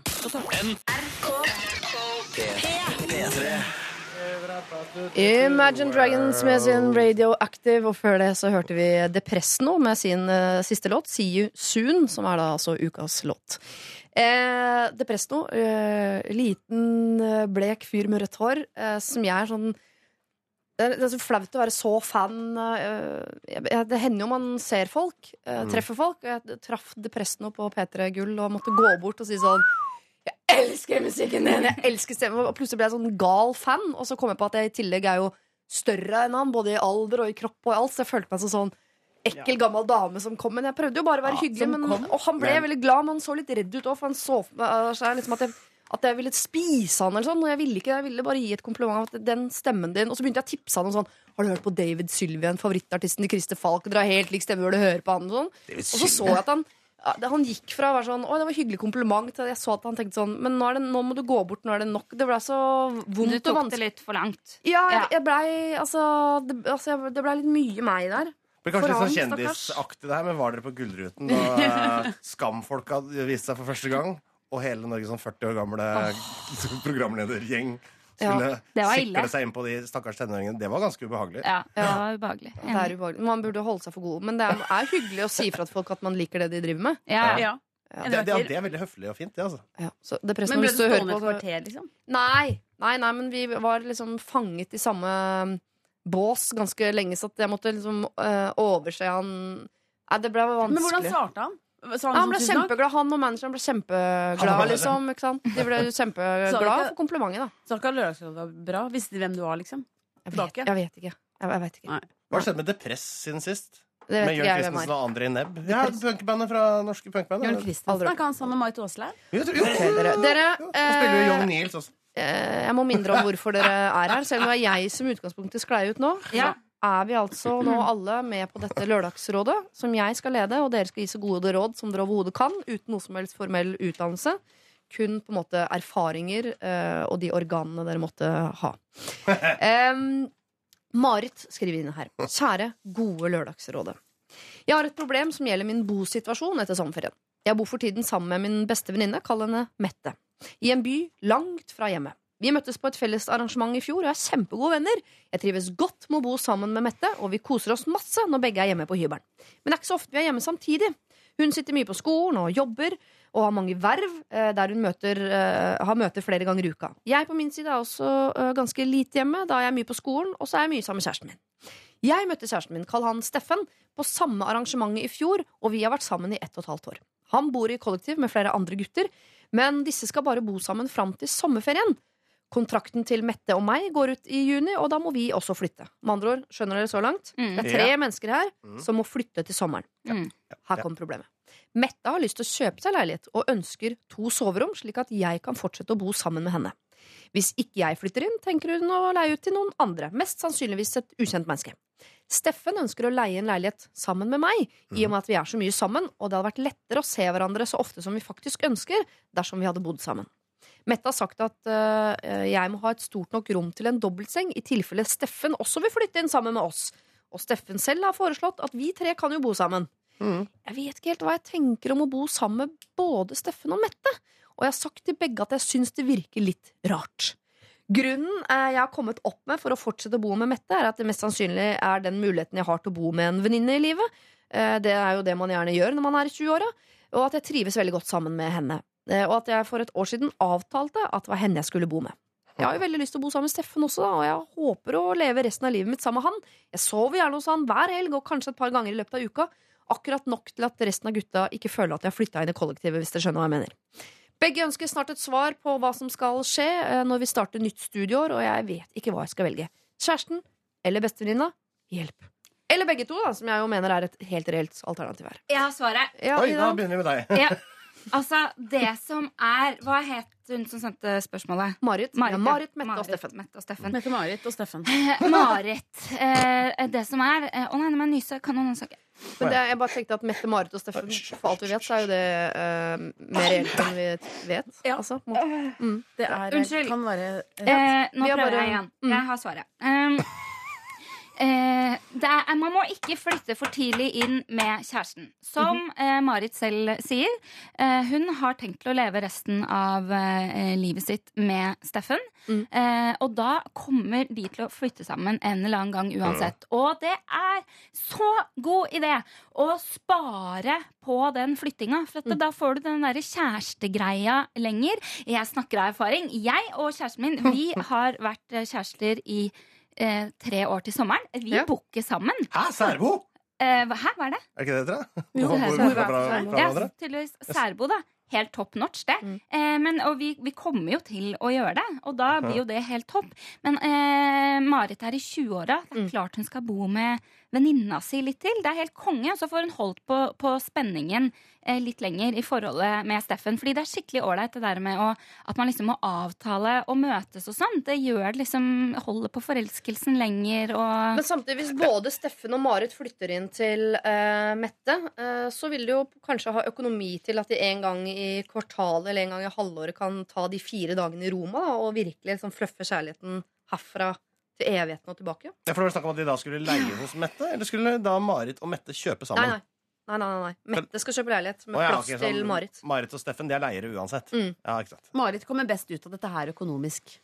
Ja, men, det da, men da er det ikke så veldig forpliktende Altså Leieforhold er jo ikke så forpliktende. Det kan du jo på en måte si opp Det hadde vært verre hvis de på en måte hadde kjøpt seg inn i et eller annet som det var vanskelig å komme seg ut av. Nei, det er ikke noe kjøping Nei. her. Nei, for da, for det, det er jo bare, Hvis det er sånn at enten Marit sover hos Steffen eller Steffen sover hos Marit, så er det jo sånn økonomisk sett litt latterlig å skulle uh, disponere to leiligheter sånn mm. rent pengemessig. Ja, jeg er helt enig. Eh, det, den tar jeg personlig til meg også. Det er jo veldig uøkonomisk, det jeg og kjæresten min holder på med. Ja. Så Men dere er veldig rike, da. Ikke glem det. eh, det stemmer jo overhodet ikke. Eh, Husk at kjæresten min er musiker. Ja. Uh, ja, mm.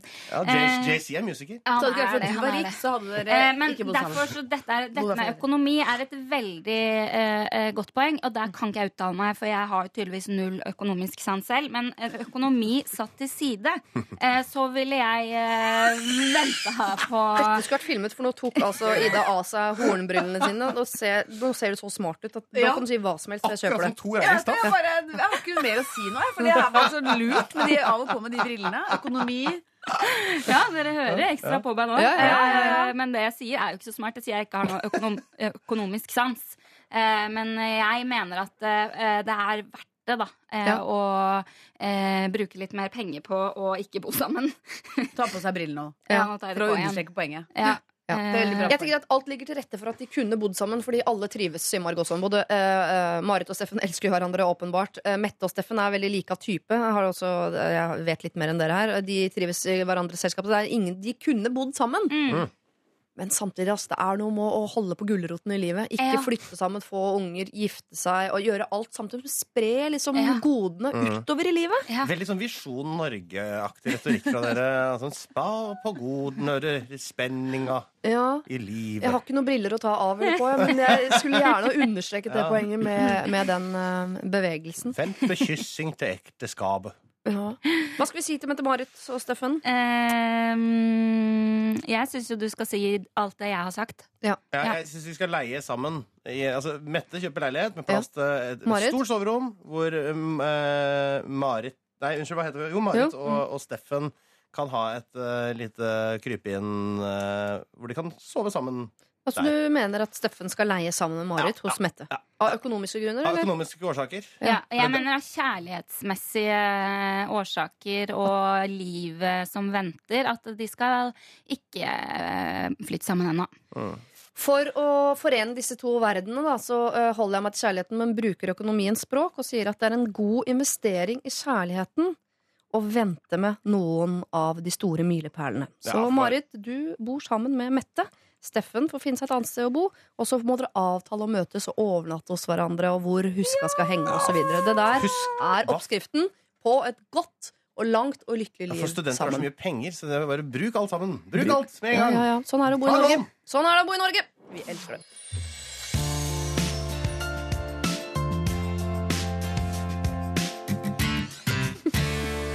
Maroon 5 sammen med Kenwick Lamar, Don't Wanna Know. Ah, de er Eh, gode, altså. De er gode. Hvem da? Maroon Lamar. 5 eller Kendrick Lamar? Eller er de sammen? Bare Kendrick Lamar er best. Jeg syns det er rart at de fant sammen. på en måte Det føles litt som om uh, Big Bang skulle dratt i til seg noen fra Dance with a Stranger. Liksom. Det er litt sånn. Det er nesten det samme. Vi tar med oss han på komp, eller noe? Ok. Dere, vi skal ikke skli ut sånn som vi har uh, hatt tendenser til tidligere i dag her i Lørdagsrådet. Jeg skal bare uh, si fra om at det ligger bilder av oss selvfølgelig på min Instagram, Ida Flan sin Instagram, Petra sin Instagram. Eh, ligger det på din, Gunhild Alberg? Ikke ennå? Uh. Eh, Einar Tørnquist, har du vært på labben? Lagt ut på din Instagram? Et fleskedrikk. Nei. Skal du ikke legge ut? Eh, men vi har også lagt ut en video av deg, Ida, hvor du tar av deg, for, bare for å vise hvor smart du ser ut når du bruker dette grepet med å ta av på deg brillene når du skal poengtere ting du gjerne vil få fram. Ah, det funka bra, det. Ja, det funker det. Eh, hvis eh, du vil ha av og på med eh, brillene fra Ida Fladen på ditt problem i dag, så må du være kjapp på labben. eller alfakrøll.nrk.no. Men nå altså. Kjære Lørdagsrådet. Broren min og jeg trenger sårt deres hjelp. Det har seg nemlig slik at jeg er aktiv innenfor friidrett, og han er aktiv innenfor skisport. Jeg startet på friidrett for tolv år siden, og broren min startet på sin idrett for ni år siden. Ettersom vi begge hevdet oss i hver vår gren, ville både trenere og foreldre at vi skulle konkurrere. I starten var ikke dette noe problem, og vi likte faktisk konkurransene. Men nå hater vi det! Jeg kjenner faktisk at en, et innvendig hat og en utrolig dårlig følelse vokser fram i meg bare ordet friidrett og konkurranse blir nevnt. I løpet av de siste seks årene har moren vår blitt helt gal. Hun snakker stadig om hvor stolt hun er av oss og de prestasjonene vi har klart å oppnå. Når en av oss prøver å hinte om at vi gjerne vil slutte, så svarer hun alltid En Hansen gir aldri opp. Jeg har brukt utrolig mye penger på å finansiere deres idrettskostnader. Jeg er så stolt over hvordan du har klart å nå så langt i din idrett. Jeg fikk aldri muligheten av mine foreldre til å konkurrere slik dere gjør. Eller søsteren eller broren din har så utrolig pågangsmot. Vi har begge oss, strukket oss utrolig langt for å slippe å delta i konkurranser. Broren min har falt og besvimt. Jeg har forsøkt å brekke armer og ben. Jeg har pådratt meg hjernerystelse, skadet ryggen, forsøkt å vrikke ankler osv. Det er jo helt vanvittig å holde på slik, og det går utover helsa vår. Hvordan skal vi få henne til å forstå at vi ikke ønsker å konkurrere? Konfrontasjon er ikke et alternativ, da dette har vært forsøkt utallige ganger tidligere, men bare ender med at hun gir oss dårlig samvittighet, at vi alltid starter igjen. En konkurranse koster gjerne hotell og fly eh, til sammen opp mot 10 000 kroner, og det er jo dumt å bruke alle disse pengene på noe vi hater, eller? Tusen takk for hjelp, og bare så det er nevnt, så elsker vi henne overalt på jord. Og hun er, eh, og hun er sett bort fra idretten og konkurransen, det beste vi kunne ha drømt om i en mor. Hilsen Tuva og Johannes, 18 og 15. Mm. Tuva storesøster 18 er altså Johannes. Det er i hvert fall én Hansen som aldri gir opp. Det er det ingen tvil om. Men jeg Mamma tenkte, nest- kunne det her nesten være Mette-Marit som bruker idrettens språk for å komme seg ut av kongehuset? Nei, hun heter ikke Hansen. Det må være Tanja eller Bjarne Håkon. Jo, men eh, hun har jo også vært veldig, hatt veldig mye skader. Og Ja. prøver å komme ut av det klisteret sier. Det Og bare... du tror at Mette-Marit driver med selvskading for å slippe å være en del av hoffet? Ja, jeg fikk en tanke om det her nå. Gunhild! Jeg bare sier det. Men hva var det hun sa ikke var et eh, alternativ? Konfrontasjon. Å, å, ok, ok, ok. Uff, dette syns jeg var litt ille. Hun driver og brekker ting og Ja. styrer. Men altså, vi skjønner jo hva slags eh, type mor det er snakk om. Altså sånne altså cheer moms, kaller jeg det. Sånne der, eh, prestasjonsmødre. De er jo klin gærne, kan være bra folk, det er hun helt sikkert. Men de er, altså, jeg skjønner at det er vanskelig å, å ta det opp, for de er jo altså gale. begge har lyst til å slutte så Det blir ganske sånn hard trøkk for uh, mor. Dette. Men det er jo en åpen eh, en, eh, I og med at konfrontasjonen er av bordet, så vil jeg si at det nærmeste uh, kan komme noe annet som er fornuftig, er jo bare å prestere utrolig dårlig i en periode. Da. Ja, det var det jeg tenkte òg. Fordi det, hvor ivrig eh, Altså, da må jo mor miste eh, interessen. At hvis man går så langt at mor blir flau, liksom. For minstemann krabber over målstreken en time etter de andre osv. Ja, og hvis de har gått så langt at de prøver å, å liksom brekke sine egne ben og sånn, så er det sikkert ikke noe stress for de å bare liksom eh, gjøre det dritdårlig i konkurranser. De er jo tydeligvis rimelig desperate på å komme seg ut. Så det å bare begynne nå, eh, gå dritdårlig på ski eh, og gjøre så lite du kan i friidrett da- Eller begynne å gjøre det dårlig på skolen og si det er idretten som går utover prestasjonen min på skolen. Så får vi se hva mor syns er viktigst da. Ja, jeg tipper hun syns idrett. Først vil jeg bare si at det er det med konfrontasjon har prøvd, og det, blir ikke, det er ikke et alternativ. Nei. Det hadde Skal ikke- alle spørre om det, eller? Jeg hadde ikke gitt opp uh, den eh, all, Alle andre utveier er veldig, veldig kompliserte. Ja. Her, eh, det, Tidkrevende, dere må jo egentlig bare slutte, begge to. Uh, slutte med idrett hvis dere hater det. Tuva 18, du, trenger egentlig ikke å spørre engang. Nei, Du kan bare dra, du kan bare flytte til Bahamas og leve helt konge. Nei, du kan bare slutte. Du kan bare slutte. Slutte Eh, med idrett. Men Ja. eh, hvis vi da skal ta utgangspunkt det, er, det mener jeg det er løsningen. Men hvis vi da skal stole på at de har gode grunner, eller har gode grunner til å si at ikke konfrontasjon er et alternativ, Mm. hva, er, vi, hva er, det, er det da å vikle seg inn i et nettverk av løgner, eh, Ja. som jeg er veldig glad i? Mm. Eller eh, Hva annet er det vi har, da? De har jo allerede Drepe mora kan du ikke gjøre heller. Nei. For det blir jo Nei, for de liker henne veldig godt ellers. Hvis ikke så hadde det vært det Ja. obvious valget her. ikke sant? De har jo allerede vikla seg inn i et nettverk av løgner ved å prøve å pådra seg Mm. skader og besvime. Og er det ikke bare å ljuge på? Jo. Det er jo sånn man skal slå opp med noen. Da, enten bare begynne å gjøre det sånn at det går dårlig, sånn at den andre slår opp. Eller så er det cold turkey. Bare Mm. Men, ferdig med med saken. Hvis man skal være litt seriøse her, Ja. eh, eller jeg, da. Nå er det jeg som kanskje ikke har vært så seriøs. Altså, det er jo helt ille. Der går brillene av. at eh, at eh, barna blir tvingt Ja, til å holde på så med langt. ting. Det er jo ikke, virkelig ikke bra. Det er jo egentlig ikke noe humor i det i det hele tatt. Men du, er det, er det sånn Therese Johaug og Petter Northug og alle de, disse eh, norske Du er blitt slått med spanskrør. heltene i anførselstegn eh, har det hjemme? Nja, Tragisk. det- kanskje. Jeg tror det er så mange som har det sånn. Jeg tror det. så lipgloss-fadesen til Johaug var egentlig bare et rop om hjelp for å komme seg ut det av dette prestasjonskjøret. Men dere, eh, jeg syns dere er på et fint spor. Uh, uh, for vi er nødt til å sette oss litt inn i hvorfor moren ikke forstår at de ikke vil drive med idrett. Men, Hvor er eh, faren oppi det her? Og hvor er far? Det kan vi også bruke litt tid på å tenke på. Vi skal uh, høre litt eh, musikk mens dere tenker på hvorfor, altså. Hva er det moren ikke vil se her? K, P, P, P3. Ina Wroldsen sammen med Martin Solveig Places hørte vi der. Uh. Hæ? Martin Solveig. Solveig? Ja. Er det sant? Er du glad? Syns du det er fint navn, eller? Liker du Martin Ja. eller Solveig best? Men Er det én person som heter Martin Solveig? Ja, Solveig er etternavnet. Ja, ja, fortsett. Fortsett. Jeg skal fortsette. Eh, Du hører på Lørdagsrådet, og hvis du har et problem, så send det gjerne inn. Eller alfakrøll.nrk.no. Men vi er altså midt i Tuva og Johannes sitt problem. Tuva er storebroren, storesøsteren til lillebror Johannes. De driver begge med idrett, er ganske gode i hver sin idrett. Og mor er ekstremt pushy, og når de nå prøver å hinte om, både i form av konfrontasjoner, men også i form av eh, brekte ben og armer, at de ikke vil fortsette å konkurrere, så nekter mor å høre på dem. Eh, hun eh, bare gulper opp masse gammel sånn eh, dårlig samvittighet. 'Jeg fikk aldri muligheten, og nå har jeg satsa, og vi gir oss aldri', og hun er veldig sånn. Hva er det eh, mamma ikke forstår her, når både Tuva og Johanne sier 'mamma, vi vil ikke mer', og så knekker de et ben? Mora prøver vel å gjøre så godt hun kan, og det er å motivere de, disse eh, idrettsheltene til å fortsette å gå. Fordi eh, de har vel dårlige dager, de som alle andre. Da er det jo hennes oppgave å backe og backe og backe. Men eh, jeg syns at hun kan, eh, disse to som skriver inn her, kan se til, eh, til eh, landslaget, skilandslaget eksempel. Hva er det de gjør? Nå er det ikke felt noen dom her, men de har jo en tendens til å skylde på legene. I apparatet rundt. Og det kan de her gjøre. Få legen til å si fra til mor. Treneren til å si fra til mor. Få noen andre til å gå rundt grøten at det har skjedd noe Mm.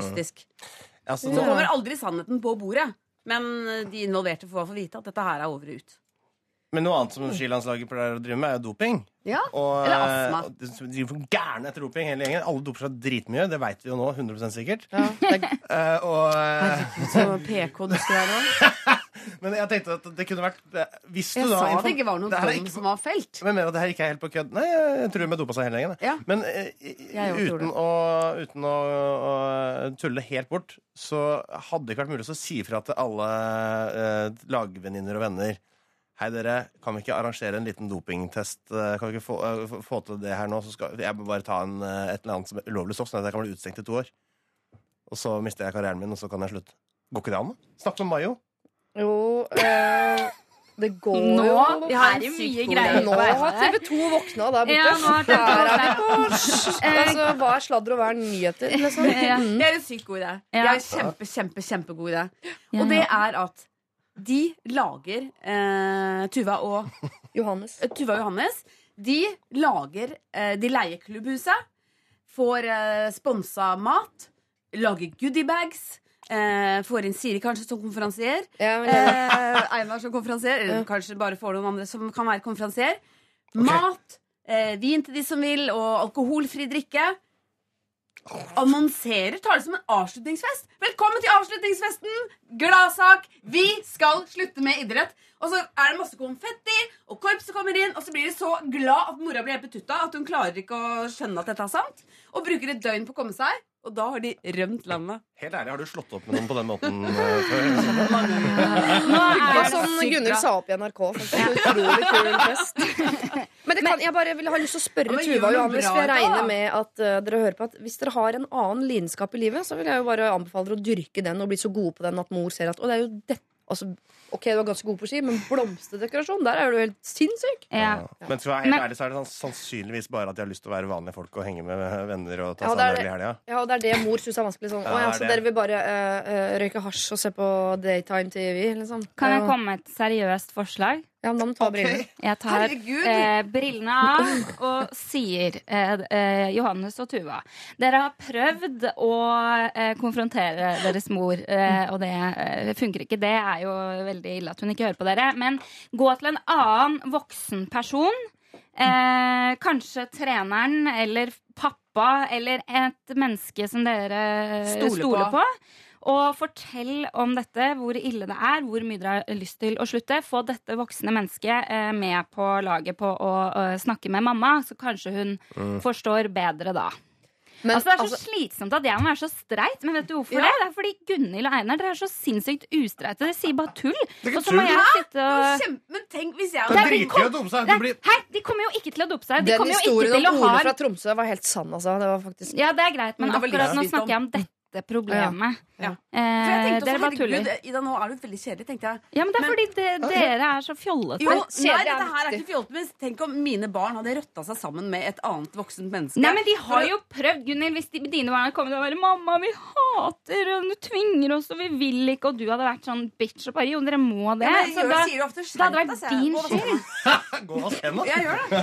Det Nå må dere ta dere det sammen. Nå må dere vaske hendene. Ta det Ja, men Tuva og Johannes kan ikke vaske hendene! Nei, de kan ikke det. Men Tuva 18, Johannes 15, eh, dere kan jo bare slutte. Men siden dere ikke klarer det, eh, så er det på en eller annen måte noen som må få dette budskapet, som vi er helt enige med dere om, eh, inn i hodet på mor. Og mor, hvis ikke hun forstår at det brekte benet til Johannes eller den brekte armen til Tuva var selvpåført for å slippe å konkurrere, hvis hun klarer å flåse bort det ved å si sånn En Hansen gir aldri opp! Da må dere eh, lobotomere henne. Og sorry at jeg foreslo det med doping. det var et kjempeseriøst forslag. Den med avslutningsfesten som jeg hadde, som jeg plutselig fikk eh, ånd over meg som Ja. noen, Det var liksom nesten som å tale i tunger. Det var et sykt bra forslag. Men Nei, de kommer jo ikke til å gjøre det. For det første, eh, hvor skal de du bare, De får spons og sånn. De får ikke noe spons, og så må de leie. Men- De får ikke leie det. Klubbhus! Men jo masse herregud, Gunhild. Herregud, og bedehuset, da. Kirka, Hvis vi modererer forslaget til Gunnhild litt, Ja. for hun fikk litt blod på tanna. Ja, det ble ja, litt ja, mye med ja. sponsorer og konfetti og de greiene der. Mm, Men hvis de arrangerer en eller annen avslutningsfest, er det veldig vanskelig for mor En ting er overfor barna sine si sånn Kutt ut, skjerp dere, gå og vask henda. Men eh, i et selskap med masse mennesker, Mm. og le bort avslutningsfesten og si nei da, dere skal ut i løypa på mandag. Det går ikke. Så sånn sett så er jeg med på at det er et godt forslag. Ja, nettopp. Du kan ikke klikke foran alle og si sånn Hva er dette for noe? Han sier aldri opp! Da må hun ta denne samtalen i dette store rommet. Ja, så skal du Hvorfor det? Nei, dette visste jeg ikke. Så vil hun få dårlig samvittighet. Ja. Og det er jo kjempebra å prakke den over på henne, for det har hun sikkert masse av i utgangspunktet. For hun er mor, og da har man dårlig samvittighet fra dagen Ja. barnet er født. Men jeg kan i hvert fall si herfra da at her er det eh, to mødre, en framtidig mor og en eh, meget fremtidig, eh, snart fremtidig far. Far. Så mener vi at dere skal slutte med de idrettene dere Mm. går på. Det høres ikke sunt ut at dere skal drive med noe dere hater så intenst at dere er villige til å brekke deres egne ben og armer. Og det, Dere har fått budskapet inn i våre hoder, og da mener jeg at det ligger til rette for å få det budskapet inn i mors uh, hode. Om det er fordi dere spretter ut av en kake på egen avslutningsfest, uh, eller om det er uh, å gå via en annen voksen person. Det får dere kjenne litt på selv. Da kan dere plukke ut av den deilige poolen vi nå har lagd til dere, som består av mange helt OK råd. Ja, og, og så angrer jeg på at jeg sa det med at de skulle dope seg, for det norske systemet er selvfølgelig rigga sånn at ikke de norske blir tatt for doping. Så kommer det ikke til å hjelpe noen ting. Ah, ta det på TV 2, da. Kjempebra, Einar. Hei, Einar. Yeah, Einar. Einar, Einar, Einar, Einar. P3. Dette er Lørdagsrådet På P3. P3. Åh, min absolutte favorittlåt fra 1975, eller fra 2016 om du vil. 'Somebody Else' var altså der. Den går i loop. Det er eneste grunn til at når jeg setter meg i bilen på vei til eller fra noe som helst, så uh, skrur jeg på Bluetooth i bilen og på mobilen, og så spiller jeg denne låta her i loop om og om og om. og om det høres jo bare ut som sånn pausemusikk. Hvis du er på pause på, oh, på Fifa, eller sånt, så kommer det her her sånn intetsigende ræl. Det, nå, det er som du knivstigger barna mine. Du ikke, du Det ville jeg si det. gjort, Siri. Nei. Aldri. Seriøst, jeg mener det. Ja, jeg klarer ikke å tro på hjertet. etter det der. bra film. Bra. Dere, Alice26 har sendt inn en mail til Lørdagsrådet fordi hun gjerne ønsker gode råd fra Ida Fladen, Gunhild Dahlberg og Einar Tørnquist. Lite visste hun at det var dere som skulle være her i dag, da hun faktisk sendte inn mailen, men jeg håper hun er fornøyd med det det faktisk ble. Min samboers søster har fått seg en ny mann. Han er, last Samboers søster, ny mann. Ok, greit. Ja. mm. han er lastebilsjåfør. Jeg kjenner han ikke så godt, men vi er venner på Facebook og på Snap. Og det er her mitt problem dukker opp. Til en stadighet sender han snapper til meg. Legger ut snapper på My Story, direkte videoer på Face, sender meldinger mens han kjører lastebil! Og dette skjer flere ganger hver eneste dag. Jeg forstår at det å kjøre lastebil er en ensom jobb, men jeg kjenner at dette irriterer meg kraftig. Jeg er sterkt imot mobilbruk i trafikken, da jeg og alle andre vet at dette skaper mange farlige situasjoner. Kan jeg si det til ham, eller blir, han da så, eller blir jeg da hun sure kjipe i den nye familien hans? Min samboers søster bryr seg tydeligvis ikke om dette, da hun sender meldinger med han hele tiden. Kan jeg si noe, eller burde jeg holde kjeft? Eventuelt kan jeg begynne å tagge han i filmer, bilder på Facebook som omhandler dette temaet, i helgene når han har fri. PS. Jeg svarer aldri på meldingene før jeg vet at han er ferdig på jobb. Ha en fin lørdag! Hilsen Alice. Så dette er altså svogeren hennes, har jeg nå regna ut. Ja, det er kjempebra regna. Takk. Ja, veldig, for det var forvirrende. Men, men vet hun at, uh, at han sender mens han kjører? Er det ikke mye at man stopper og sånn også? Kan det være da han sender meldinger og snapper? Og jeg så for meg at han filma, jeg. I fart. Ja, ikke sant? Mm. Så det er vi sikre på. Det Jeg tipper at de som kjører ja. eh, eh, lastebil, de tenker at jeg er, jeg er så rå, ja, jeg er sjåfør, at jeg kan ha bil for øya og begge hendene på Ja, og de dør jo aldri i front-til-front-kollisjon. Det Ja, er det jo de andre som dør, så er det ikke veldig farlig for eh, den, hans liv, da. Nei. Ja. Jeg syns ikke hun blir noe kjip og sur hvis hun uh, sier ifra om det. Men jeg kjenner bare meg sjøl hvis jeg hadde vært sånn eh, som kjørte bil følte meg, og gjorde ti timer om dagen og følte meg som verdens beste sjåfør. Selvfølgelig klarer jeg å filme litt sånn. Jeg hadde blitt sånn Ja, ja, slapp av, da. Det er ikke noe stress. Jeg filmer jo ikke når jeg skal kjøre slalåm opp Trollstigen. Men da er det Men, eh, fint at noen stopper. For Ja, at alle kan at tenke tenke det, og da er det deilig at noen sier fra. Ikke sant? Nå er du dum. Og du har rett i det. Det er bare at jeg bare vet eh, Jeg føler meg så trygg på at han kommer til å si sånn øh, At det, det kommer til å prelle rett an, og da blir det bare sånn Ja, men ja. da kan du si en ting som, som virker mer, som er mer sårende. Som ikke er så lett å flåse bort. Hva da? Og da sier man eh, Siden du sender så mye eh, videoer og snaps og er så totalt avhengig av sosiale medier når du Mm. kjører bil Du virker veldig ensom. Og du går dit, ja. Mm. Rett i magen ja. med kniven. Ja. Da, Hva hadde du svart da? da, jo, svarer han, ja, men det hjelper meg eh, å sende snap. Og så sitter du der, da. Men hva hvis du heller sier sånn ja, Jeg skjønner at du tydeligvis ikke bryr, seg, bryr deg så mye om eh, ditt eget liv, eh, som å leke med livet på, på den måten hver dag. Men hva med den barnefamilien du treffer på rundt den svingen? Kommer du til å orke å ha på samvittigheten at du har eh, drept eller skada for livet to små, nydelige tvillingjenter? Oi. Du kunne Mm. nesten ha jobba i PR-bransjen, men det ble litt for mye på slutten. Ja, det ble litt mye. Ja. Ja. Det var tvillinggreiene som ble for mye. ja, ja, ja, ja, Men ellers var jeg rett på, rett på samvittigheten, tenk. For du kan jo skade andre mennesker i trafikken. Det er jo, ikke, er, det er jo forbudt, er det ikke? Tuva og Johannes bare jo. Du får bot og greier og greier. Kanskje miste førerkortet og Det ikke hadde, vet jeg. det hadde fungert Men det er veldig- det, det, La meg sånn bare- der, påpeke hvor eh, altså, Du vet du kan få sparken hvis dette her kommer ut, liksom.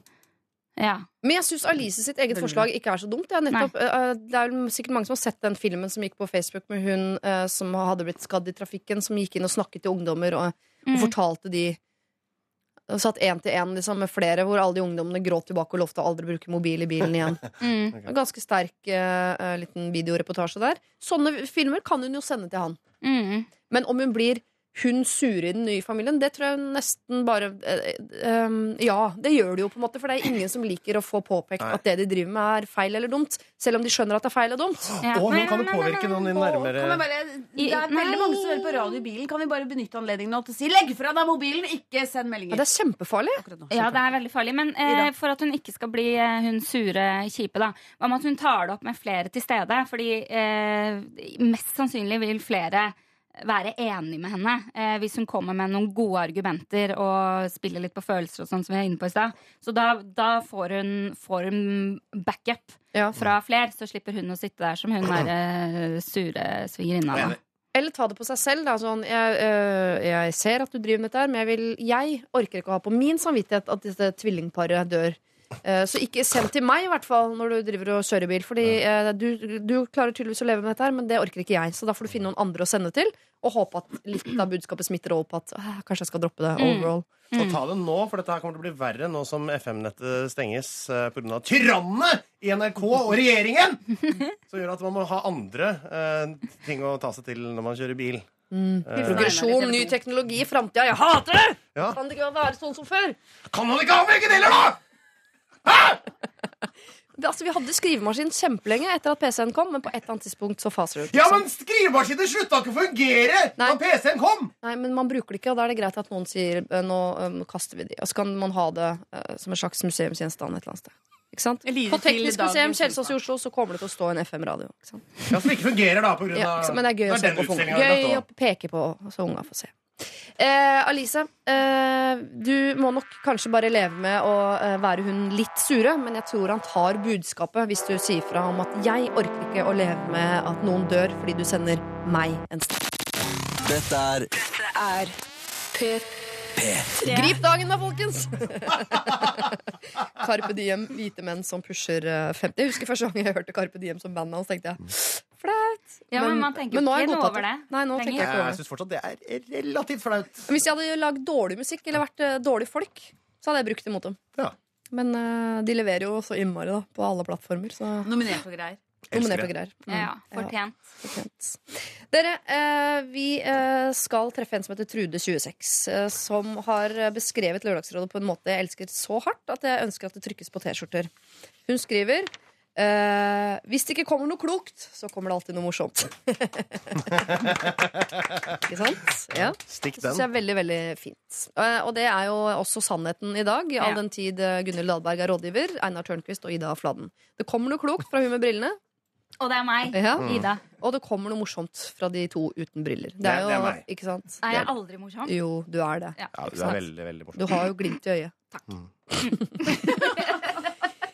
Nå har jeg kommet til en bra og en dårlig tid av livet og trenger råd. Problemet mitt er av eh, festlig karakter. Jeg har nemlig utviklet en større og større vane for å ta meg én dram for meget i festlige lag. I fjor ble jeg frivillig singel etter fire år i et forhold, og har etter det hatt det veldig fint og bedre med meg selv alene. Og vennene mine vil at jeg skal være med ut hele tiden. Det er bare fantastisk gøy! Helt til jeg blacker ut. Jeg har alltid vært litt over snittet glad i en fest, er alltid omringet av morsomheter, men det siste halvåret har det alltid blitt for mye, og jeg våkner opp med svarte hull ofte. Selv om jeg bestemmer meg for å holde tilbake på forhånd, ender jeg alltid opp med å våkne på et nachspiel et eller annet sted med en eks i senga. Det virker som gjenkjennende latter fra siden der. Det virker som om jeg ikke har viljestyrke etter noen pils. Og hvordan snur man det, da? Må jeg bli hun kjipe som aldri drikker alkohol? Jeg har alltid syntes at når folk melder at de eh, er avholds, så eh, dømmes de. Eh, og de virker dømmende også fordi de hever seg over oss andre. Men samtidig så har jeg jo endt opp med et medium festlig problem. Så spørsmålet er hvordan drikke hele kvelden uten å bli full? Går det an? Hjelp! Vennligst hilsen Trude 26. Det er jo det som er det vanskelige her, da. Ja, og nå har dere brukt dopingkortet på det skiproblemet vi hadde i stad, så det vil jeg ikke høre noe om her. Nei. Nei. Vær så god. Eh, men jeg skjønner ikke problemet. Jeg synes Det høres ut som du lever et fantastisk artig liv. Ja. Med blackouts. Eh, med, ja. Du, eh, du som vet hva angst er, burde jo få helt hette av det. Nei, det, eh, jeg Får ikke dere blackouts? Jo, innimellom. innimellom. Det Ja. er, jeg begynner å bli mindre og mindre av det. Ok. Altså, Jeg husker jo ikke de ti første Drikker ikke så årene. mye mer. Men, men, uh, Men men får du det hver gang du drikker blackout? Uh, nei, ikke hver gang, men jeg veit alt om det å bli hakket for full. men er, er, du, Eh, er du sånn som liksom kan, Står du i kø for å kjøpe shots som 0257? Det skjer. Ikke sant? Ja. Det er blackout-oppskriften. ja, det er oppskriften på blackout. Det stemmer. Men Trude er jo hun Det er jo fint at det fins noen Truder Ja, der ute. kjempebra. Fordi når alle andre i den alderen går i sånn eh, jeg stopper etter tre glass her, fordi jeg har Ah. slett for migrene. Så er det gøy at. Trude klinker til og kjøper chilinøtter og shots for 1000 kroner. Det er Det akkurat det jeg liker kjedeligste. å høre. Når folk sier 'jeg tar de med ro i kveld', Ja. ja, da kan du være hjemme. Ja. Der tar man det med ro. Her er vi for å drikke. Nei da, alle skal få være med. All the way. Nei. Ja, eller man Jo, kan jo Men du skal eh, ikke gni det inn. Du skal ikke gjøre alle andre Når man først er ute for å drikke, da skal man få lov til å drikke seg sånn øh, i det humøret man har lyst til å drikke seg i. Absolutt. Ja. Alle kan velge selv. Nei, nettopp. Men eh, nei, jeg liker også det veldig godt at det fins noen truder. Kanskje hun må skaffe seg mer likesinnede venner. Som Mm. liksom er med på den Nei, vi må være en Trude i hver eh, gjeng. Vi må, Ja. porsen- vi må. Nei, dele det må ut. være. Det er jo ikke så gøy å være Trude. Jeg ha- hadde en venninne som var som Gunhild. Du må passe på at ikke du alltid blir hun der som drar på nachspiel. Ja, hvorfor Hvorfor det? Hvorfor det? Kan ikke du dra på nachspiel? Selvfølgelig, jeg må jo alltid dra Røyke på deg en fjoning og ha det konge. Nei, dra brukt. Ja. Men jeg, jeg skjønner ikke enig at det må være én trude i hver gjeng. I Nei. min gjeng er vi 13 truder. Ja. Ja. Eh, og det funker kjempefint. Ja. Wow. Det er en karaoketaxi jeg gjerne skal slippe å kjøre. ja, ja, ja. Det, det, vi har kjørt karaoketaxi. Det er helt eh, jævlig. Men Men så er vi jo alle i samme båt. Bremsen her kommer på idet hun ikke er singel lenger. For dette er sånn typisk som man syns er gøy på fest, og så blir man kjæreste med dette mennesket, og så hater man det derfra ut. Det verste jeg vet, er jo når lokføreren blir sånn full som ikke jeg liker. Da, blir jeg, da stopper jeg å drikke og blir hun sur òg, ikke sant. Mm. Eh, så jeg tipper at Og hun sier det jo selv også, det er jo etter hun ble singel at dette blackout-fenomenet har eh, smøget seg inn i livet hennes. Mm. Så kan hun ikke bare Men, kose seg Nei, bremsen bare settes på. Samme rakkeren, da. Kos deg uansett. Jeg og, og min eh, kjære, vi har jo noen ganger, på en måte, i hvert fall før hun ble gravid, da, eh, vært på byen, og festa og kosa oss, og dro vi hjem og så Vet du, pokker, vi drikker mer! Og så bare kåler vi på, og så koser vi oss gløgg i hjel. Ja. Det er koselig, da. Det er lov, det. Trude, Alle kan være Trude. Ja, nå dag. da. glorifiserer vi drikking veldig, da, men Trude er jo 26 år, og hun har ikke egentlig problematisert det at hun får blackout, annet at hun havner i senga med en eks. Men det virker jo ikke som det har skjedd noe farlig eller ulovlig, eller at hun er redd eller får angst. Det er ikke noe sånn. Det er mer en sånn fornuftens røst her som tenker sånn Jeg er 26, jeg burde kanskje ikke ha det sånn, eller? Mm. Men da sier vi jo ja, vet nei, jo. ha det sånn mens du er 26, så blir du jo du blir 30 fort nok, og så blir du 35, og så plutselig sitter du der og ser Og så hvordan drikke hele kvelden uten å bli full? Går det an? Hjelp? Nei. Nei, det går jo ikke an hvis jeg skal Jo, men drikke det hele kvelden. hjelper jo ikke drikke sprit, da. Det, det hvis man bare drikker øl, kan jo hjelpe. Og så Det blir veldig prompete av du det. Du blir veldig prompete og tjukk. Ja, men, og, men også kanskje eh, eh, eh, Men eh, også det, eh, drikke eh, mye vann. Ja. Det jeg vet ikke om det hjelper, men det er jo noen som sier det. Én vann, Et ett glass vann per alkoholenhet. Men det er lurt, da. Ja, Det husker man jo ikke. Skader ikke, i hvert fall. Nei, det er lurt, men altså. det Og kontrollspørsmål for å si hvis det er sånn at venninnene dine irriterer. For det er jo ofte sånn, man har jo, eh, det er gøy med en Trude i gjengen, men det er kjipt med hun som blir sånn eh, apekatt på slutten, og som sovner under bordet, og bare som er sånn irriterende drita. ja, Ja, det er, det er, det er ikke noe vits det i. er veldig masse. du har hund, Trude, så kan du jo godt ta én shot mindre, da. Men det er ikke det samme som blackout nødvendigvis. da Nei. Eh, Du kan eh, bare være i godt humør og ramle inn i en taxi og komme seg hjem eh, og få en blackout Mm. uten å være helt spagat. Du kan få lov til å snakke som en mor her. Ja, det har jo vært Trude, jeg, altså. utrolig kjedelig ut. Ja, men men må, når, man er, når man er 26 år og i blackout, så må man bare prøve å gå hjem med de riktige folka. Altså, Ta taxi, ikke pirattaxi. Ja. Eh, ta følge med en venn, eller sove over hos ja, mm. Og så spis masse etter at man har stått i shotkøen, da. Som Ida Fladen. Mm. Eh, Ja, så gå innom, kjøp en kebab, bli kjent med folk der. Ha det kjempegøy. Bare å fortsette å drikke. Jeg så kjempereklame på trikken hit til eh, NRK i dag, hvor det sto 'Hver dag er en kebabdag'. Tenkte jeg, nå har kebabbransjen kommet langt, for nå kjøper de postere på trikken i Oslo. Det er så bra. Ok, er Trude. Vi digger deg, vi. Eh, og hvis det er sånn at de andre rundt deg syns du er kul, og dette ikke er et enkelt problem, du bare prøver å snakke sånn fornuftig, så trenger du ikke det ennå. Ha det gøy. Bremsen den eh, blir satt på, den, på et eller annet tidspunkt. Dette er Dette er P3. Ed Sheeran, 'Castle on the Hill', og før det Snakeship sammen med Mø, 'Don't Leave'. Eh, til dere nå som eh, sitter og hører på oss på DAB-radio, eller DAB pluss, da, eh, som jo eh, om skremmende kort tid bør gjelde hele Norge, spesielt dere oppe i nord allerede fra uka som kommer, så kan dere se at vi beveger oss inn i et problem som har fått tittelen 'Mensen og dobbeltdyne'. Ikke sant? Ja. Eh, og eh, bak den overskriften så skjuler følgende problem seg. Hei, Siri. Jeg tror jeg skjønner det allerede, men fortsett. Det kan være metafor. Eh, og dette er ganske prekært. Jeg fikk inn dette problemet i går kveld klokken halv eh, åtte. Så her er det altså en jente på 18 år som er på hyttetur nå. Jeg ser på en sånn dyne som ser ut som det japanske flagget. Ja, Men du vet da hva en dobbeldyne er? En dott. Ja, japanske Ja, ja, flagg men- ser sånn ut. Ja, Kjempegøy. ja, ja, ja, ja, der var jeg litt grann treig, og det er jeg som er dotten her. Hei. Jeg har en liten case jeg trenger litt hjelp med. Jeg er på hyttetur med en vennegjeng hvor jeg deler seng med en venninne. I dag tidlig sto jeg opp før henne, og da jeg skulle opp for å hente skrivesaker, så jeg en stor blodflekk midt på lakenet. Jeg kom Hva var det for en lyd? Det var bare Lydlegging Er det din mensenlyd? Ja. Jeg kom direkte fra juleferie og hadde med meg dobbeltdyna mi. Tanken på at dyna mi nå skal ligge på det blodige lakenet, er ikke så kult. Spørsmålet mitt er da om det er innafor at jeg går og legger meg på sofaen og tar med dyna. Eller er det helt på trynet? Hilsen jente 18. Så altså, eh, nå er det lørdag morgen. Eh, I kveld så er det vi som bestemmer om jente 18 eh, ligger og deler dobbeltdyne med sin menstruerende venninne, eller om hun ligger på sofaen med hele dyna sjøl. Men skal ikke hun venninna si noe om den mensenflekken? Hun sover jo Sikkert våken nå. Eh, ja, foreløpig ikke. Eh, Jeg tror kanskje hvis de sitter og hører på, på P3 på denne hytta, så tror jeg det, dette Det har løst seg. det, det løser seg Hvis greit nå. dere er en jentegjeng på hyttetur, gå inn og sjekk alle madrassene nå. Er det noen som har mensen? Følg med. Ja, men hun spør, Det er jo et moralsk spørsmål egentlig fra jente 18 om det er eh, moralsk innafor at hun, bare fordi venninnen er så uheldig å være der i måneden, at hun tar hele dyna og legger seg på sofaen. Så blir hun liggende igjen, ikke bare mensen, men hun kommer til å fryse i hjel alene i sengen i natt. hva med at de eh, Det er venninna som har mensen, ikke sant? er, det ikke, er det ikke et alternativ å få bort den blodflekken? Ja, men Det rekker vel ikke å Jeg tørke veit ikke hvor mye sengetøy de har med på den hytta. Nei, men Det er ikke sant, Hun får ikke sengetøy på, um, på sofaen heller.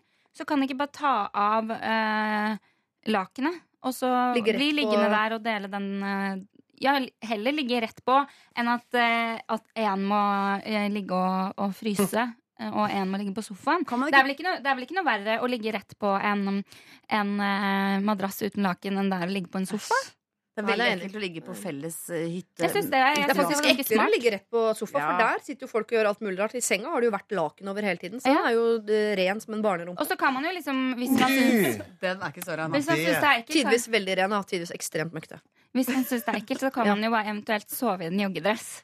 Ja. Du, og det er du så fornøyd med at du smiler fra øre til øre. Ja, jeg bare hører hvor utrolig nerd og kjedelig og teit det er. Men jeg følte at jeg hadde en helt insane god løsning på dette problemet. Ja, men man må mm. ha noe å trekke over seg. Man må ha noe å trekke over seg Ja, for å dyna! sove. Dyna! dyna er jo, det er ikke dyna som Men er problemet. Å ja! Jeg tror du kan til og ta med- av trekket.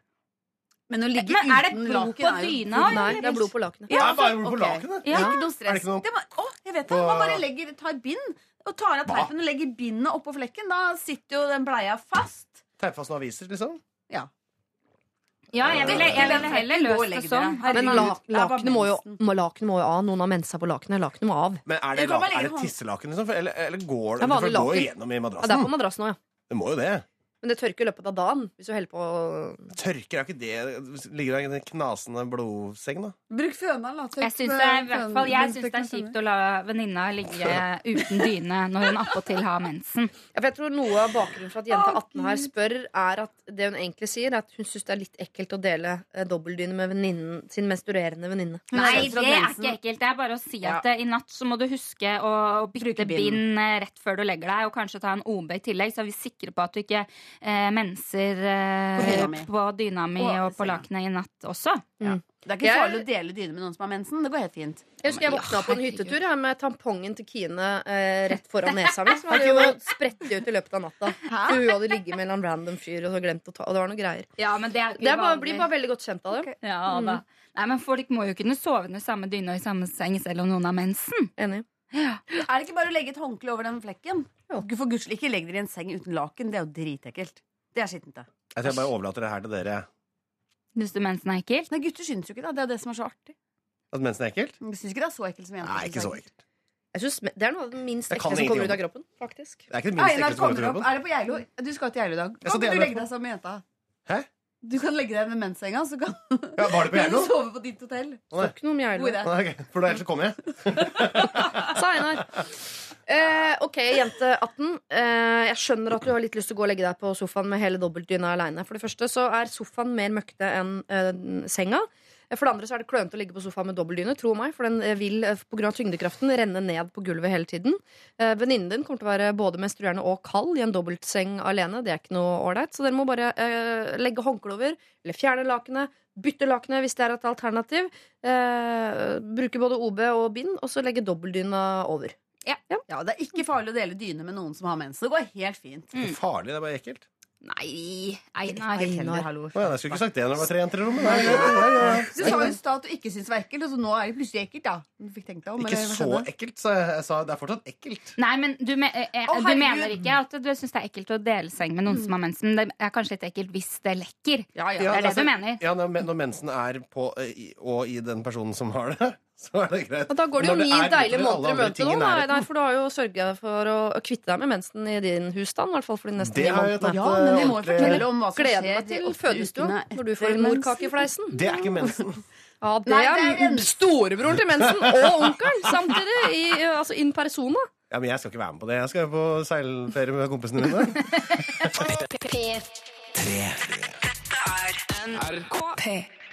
Hvor er en låt?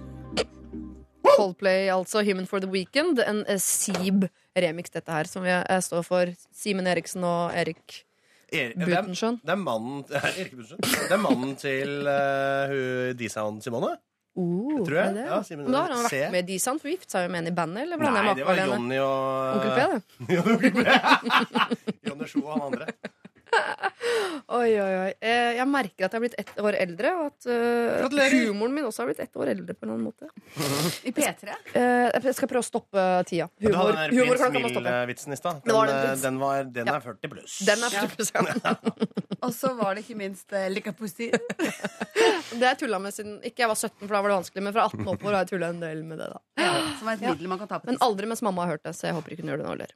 Eh, dere, vi skal dele ut en uh, kopp. Menskopp.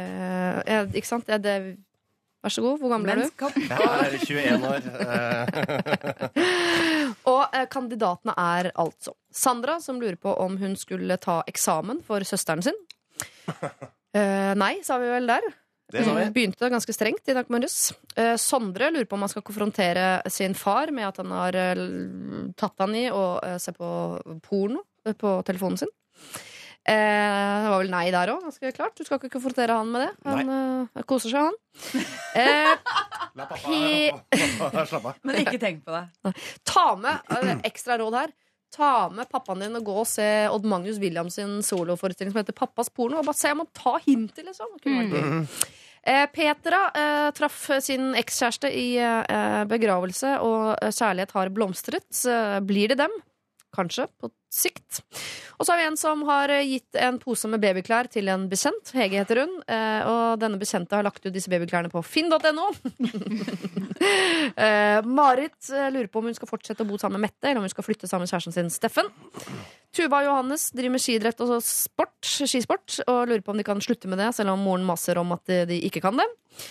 Alice får snap av en lastebilsjåfør mens han kjører bil. Blir hun, hun sure hvis hun sier fra om at det er trafikkfarlig? Trude eh, er altså eh, eh, denne kvinnen eh, som blir for full. Hun får blackouts når hun drikker. Stå på! God Gode råd her fra ungdomskanalen P3. Eh, og til slutt her så har vi altså denne jente 18 år som er på hyttetur med en venninne som dessverre menstruerer for øyeblikket. Og er usikker på om de kan dele dobbeltdyne. Ja, det kan dere. Hvem fortjener kopp? Mensenkopp-spøken er brukt opp. Ja, for den her tok jeg i stad. Den tok du i stad. Tusen takk for det. Eh, Kanskje det er mensenhistorien mensen-historien som skal få koppen, forresten? Herregud, det skjer jo tusener og millioner av kvinner hver eneste dag. Ja, men det er jo en forferdelig opplevelse for dere, og dere har veldig lyst på gaver når dere har mensen. Jeg kopp! Jeg syns Tua og Johannes eh, skal få eh, Kan de få en kopp hver? I så fall? Hvis de Mora bor sammen, så får de en på deling. Ok. Mm. Hvis du bor hver for seg, så får de hver sin. Vi er ganske strikte på det. Ja. Mm. Eh, NRK, det er eller TV2, det er kanskje. Nei, det er jeg personlig som er strikt på det bare for å være det. Så jeg har alltid Ja. funnet på regler. Helt siden jeg var badevakt på Tøyenbadet og sa at ingen kunne henge på badeskillet, for da ble vindskjevt. Men hva med, hva med blackout-Trude, da? Så hun Ja, har noe å drikke både vann og kaffe ved dagen derpå? Ah, det var lurt. Det var symbolsk og fint. Ja, takk skal du en, eh, Ikke rot den bort i fylla. Ha den hjemme. Ha den hjemme. Mm. Er dere enige om det? Liksom? Ja.